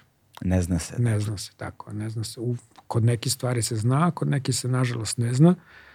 I onda i to naravno utiče na onu kompletnu sliku koliko je beba onda rođeno nakon svih tih vantelesnih. Znači mm. pričamo o jednoj statistici koja kaže to je naš zadatak da žena ode u drugom stanju, ali sasvim druga priča koliko će se dece roditi posle toga. Da, da, da, da, da. Jer kažem taj gubitak trudnoće se dešava vrlo, vrlo često. Ovaj, mi pokušavamo da saznamo tačnu brojku novorođenih koji su začeti u Leskovcu. Pokušavamo zato što mi imamo pacijente iz celog sveta, pa neko se javi, neko se ne javi, neko pošalje sliku, neko ne pošalje i tako mm. dalje. Ne, ne, pokušava, ali pratite, ne, ne možete, nema, nemate način da pratite. Pokušamo, ali ne možemo. Da, ako promene adresu, ako promene telefon, ako promene zemlju na kraju krajeva, Jasne. nema šanse, ne možemo da ih nađemo, ali Iskreno, če, ja sam i prestao polako da brojim decu. Ja sam prebacio to da brojim koliko osnovne škole je začeto u Leskovcu. I mi smo negde, ako jedna prosečna škola ima 600 do 700 đaka, mi smo negde do treće škole stigli. Jel da? Na, upravo tri osnovne škole. Tri ja mislim da smo škole. uspeli eto, da doprinesemo našim radom. Ja mislim da je to to treba da bude u stvari i motivacija svim tim ljudima koji se bore protiv steriliteta, odnosno za potomstvo. Mm. A, ovaj, jer put nije lak, to je bilo pitanje, je. je. to je i najveći problem. Je u, u principu ljudima objasniti gde je muka, gde je problem, jer im se prvo često kaže sve ok, sve u redu, bit će, sve, idite na odmor, šetajte, to je od stresa. Stres jeste jedan faktor, ali nije najbitniji. Mm. Tako da treba da im se urade neke osnovne analize i da je se usmere da li je to inseminacija ili moraju da rade van telesno, to su već onda dve različite stvari. Da, to je veliki, to je nažalost uh, uh, stvarnost za jako veliki broj ljudi, ali mene zanima uh, ovaj, kako zapravo izgleda jedna procedura. A, prosto da opišemo ljudima možda, znam da je za veliki broj ljudi to stva, svakodnevnica stvarnost koju žive svakog dana, ali verovatno postoji veliki broj njih koji razmišljaju da. o tome da li su oni kandidati, da li bi trebalo, ukoliko uđu u takav proces, koliko ih takav jedan proces košta, šta sve treba da se desi, šta da očekuju, na šta da, da se pripreme i tako dalje. Znači, u zavisnosti od toga, kad mi vodimo razgovore sa njima, naravno uvek je prvo pitanje koliko dugo pokušavate da se ostvarite kao roditelji. Mm. Sve što je preko šest meseci, godinu dana, već je to ono Alarmacija. znak da trebaju da urade neke analize da bi se vidjelo da li je neki problem rešiv ili, nažalost, kao što smo pričali o Anto i Milarovom hormonu, ne rešiv. Da. da bi znali šta dalje, kako planiraju život koji, koji mm -hmm. stoji ispred njih. Znači, prvo i osnovno je da se urade analize. Na osnovu toga da se dešifruje gde je problem. Mm -hmm. U 40% slučajeva je sve u redu, a ipak nema potomstva. Znači, x faktor, nepoznati. To je veliki problem. I zato i kod van telesne nema 100% uspešno i zato i kod prirodnih pokušaja kada je sve u redu nema 100%. 100%. Tako da. je. Znači to moraju i onda oni dobiju tu listu analiza, ta lista analiza pomaže i njima i nama, naročito da im dajemo, damo dalje savjet šta trebaju da rade.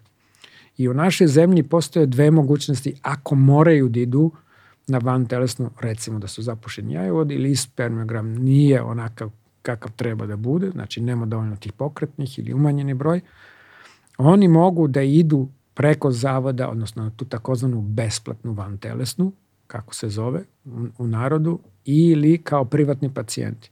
Tu postoje razlike, besplatna, znači država finansira sve to, oni moraju da skupe te analize i da idu na komisiju koja će im reći vi možete da idete na van telesnu, izaberite kliniku, oni zaokruže i idu sad u kliniku koja je licenciran, ako smem da kažem, za tu besplatnu van telesnu. Mm -hmm. Oni drugi koji žele da izbegnu, recimo, celu tu, moram da je nazovem neku birokratsku Jeste, da ovaj, zavrzlamu, jer radeći i u Nemačkoj, i u Španiji, i u Velikoj Britaniji, i u Americi, to tamo funkcioniše drugačije, a to je ja imam moju zdravstvenu knjižicu, kažem dobar dan, mhm. ja imam taj taj problem, koje je rešenje? Rešenje je van telesna, pokriva zdravstveno osiguranje i to je to.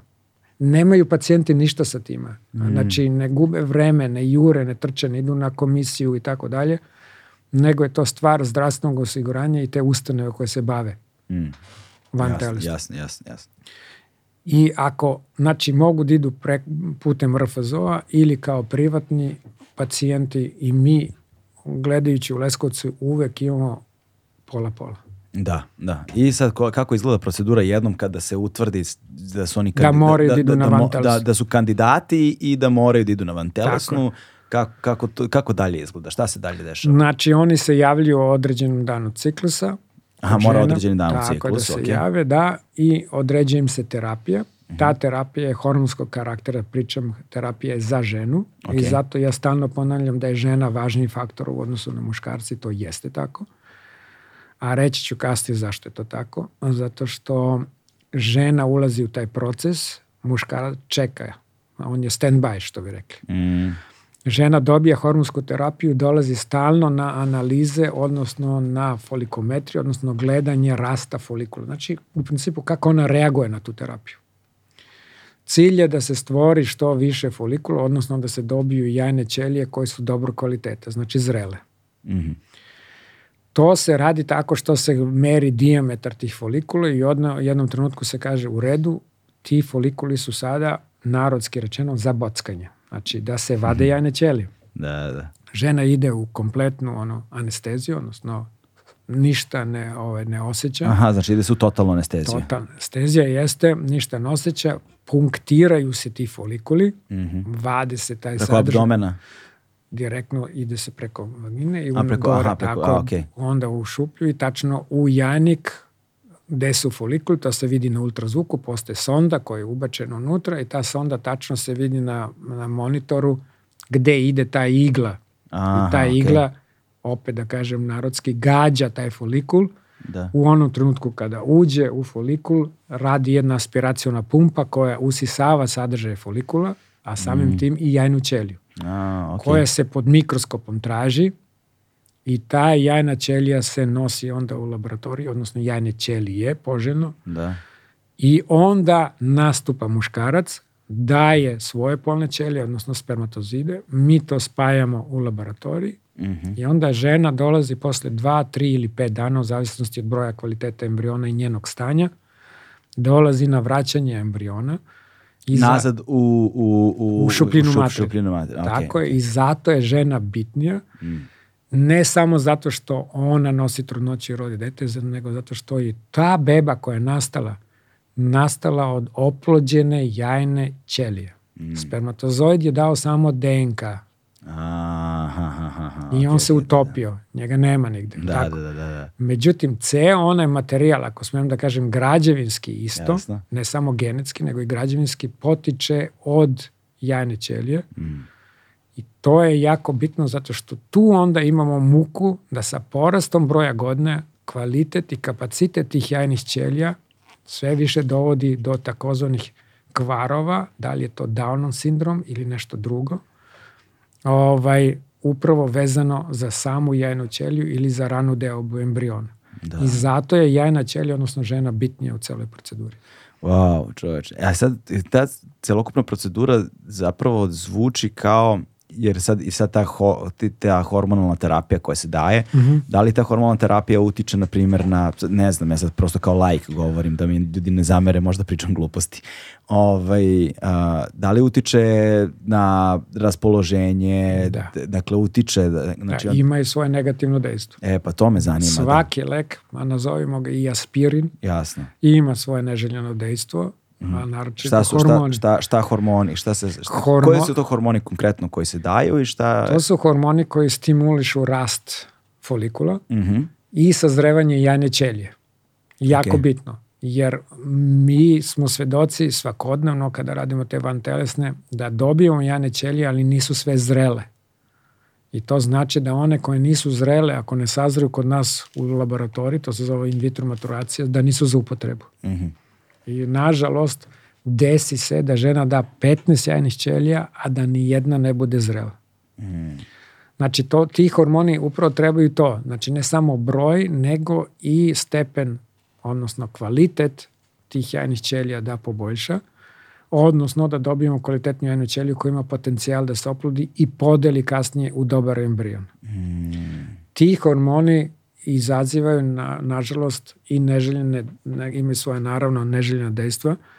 U nekim slučajevima čak postoji kontraindikacija hormonska terapija. Um, na primjer, ako neko ima istoriju raka, odnosno kancera, ne sme da se uradi ako se ne da saglasnost odgovarajućeg lekara, odnosno odgovornog lekara za, ovaj, za tu osobu, jer na taj način može da se provocira nešto što Jasno, jasno. je u tom trenutku katastrofalno po, po zdravlje žene.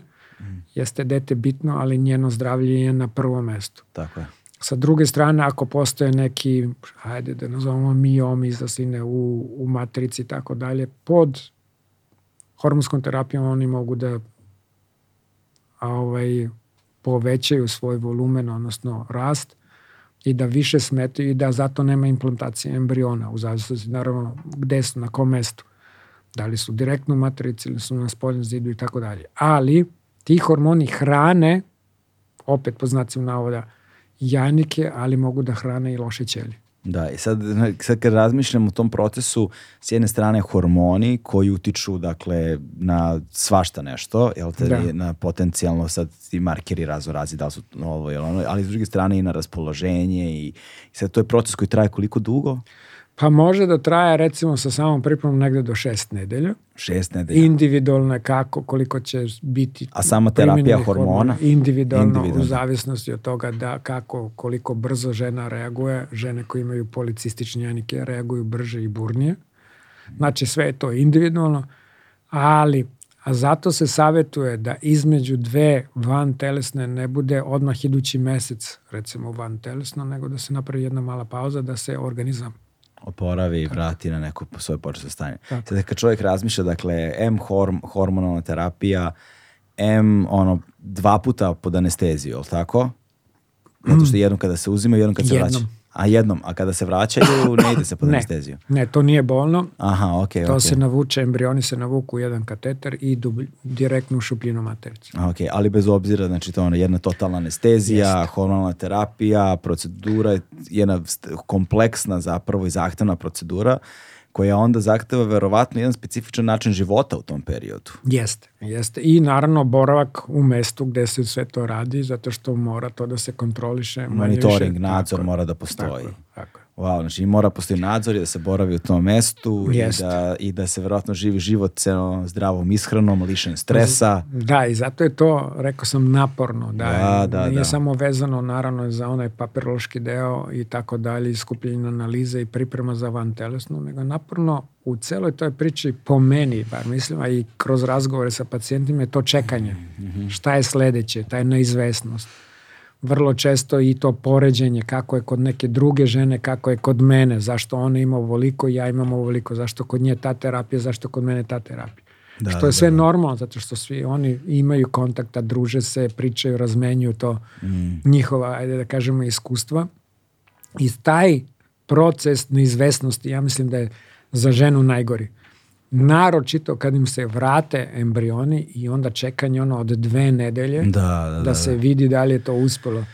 Da, znam nekoliko sluč... prijatelja, imam prijateljica tačnije, ovaj, a, sa mešovitim rezultatima Da. i to je ono, znaš, dosta, do, dosta, dosta težak trenutak. Jeste, jeste, ka- upravo kažem ta neizvesnost šta me čeka sutradan. Da, da, Hoće i- li biti dobro sve? i Da, tako i dalje. podrška partnera je onda tu važna, Jako znaš, bitno, kao da, možda da. muškarac manji faktor, ali je tu Ne, ne, podrška. jako, naravno, jako bitno, da, zato što se za bebu potrebno dvoje na prvom mestu. Zapad, da, da, A na drugom mestu sigurno, to je ženi sigurno treba ovaj, dosta, dosta ovaj, pomoći u smislu razumevanja ako ona ima oscilaciju u raspoloženju upravo zbog te hormonske Da, a s druge strane, ovaj, kako stoji stvar sa nekim tim neurodegenerativnim bolestima, da su to sve neurodegenerativne, ali sa, ako, ako, ako recimo žena ima nekakve primarne dijagnoze s kojima pokušava da dođe na, Ima, da, ima, naravno recimo mora. multipla, na primer. Na primjer, tu mora da se objasni da trudnoća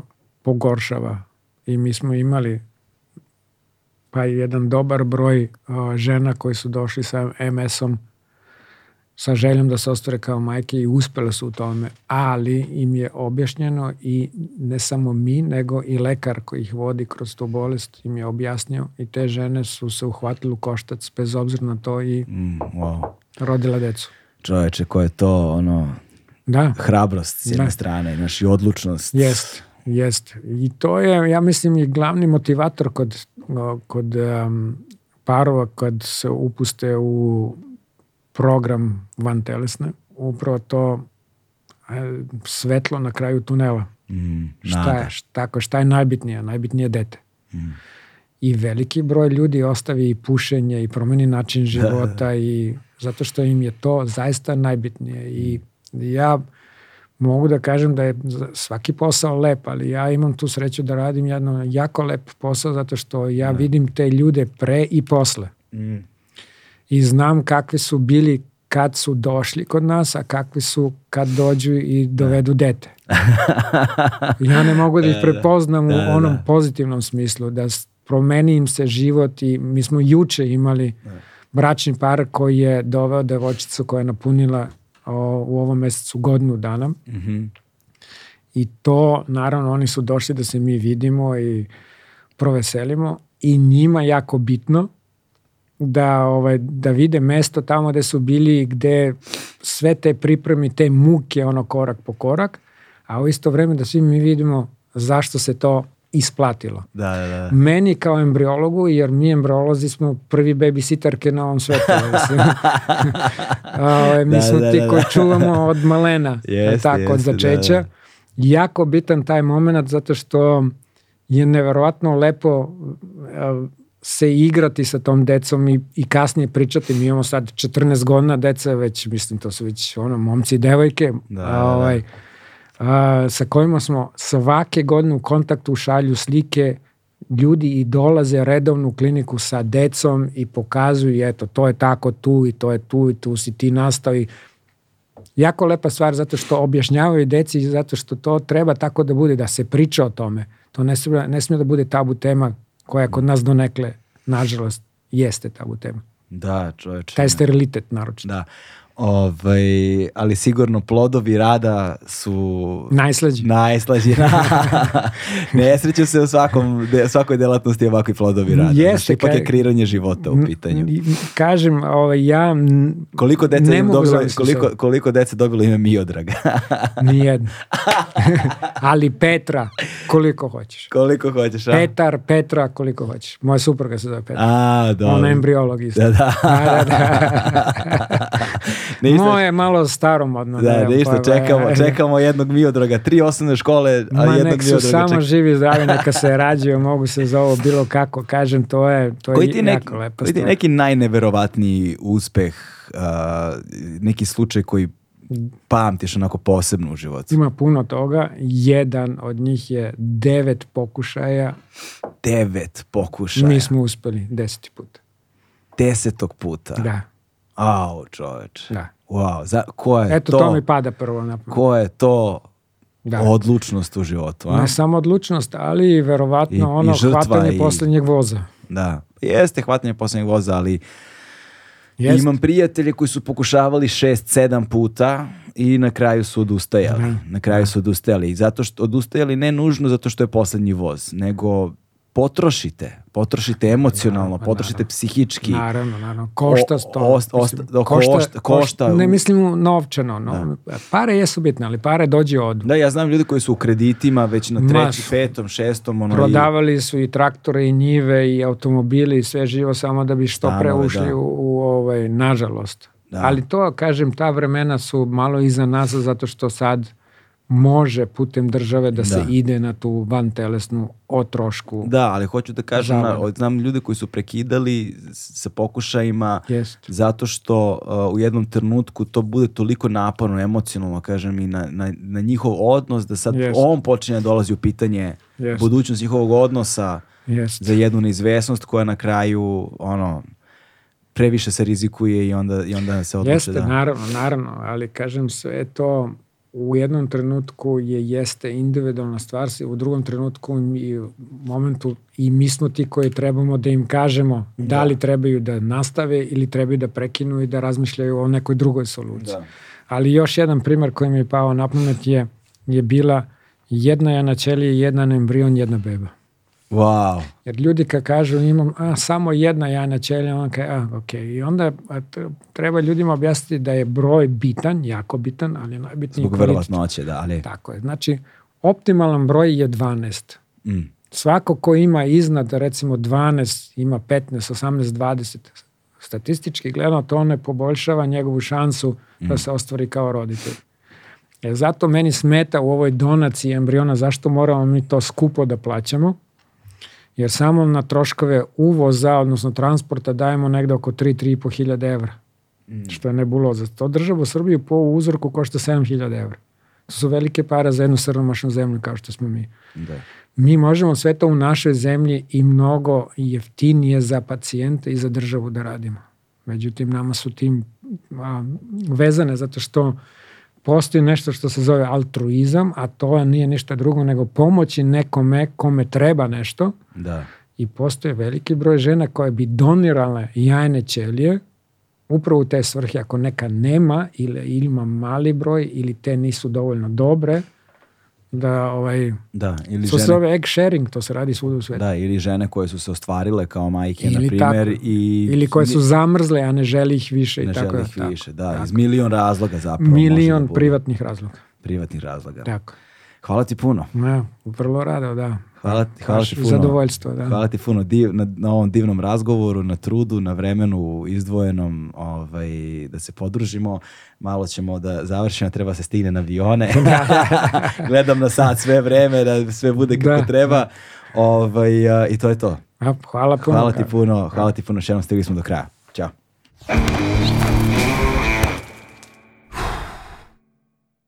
Hmm.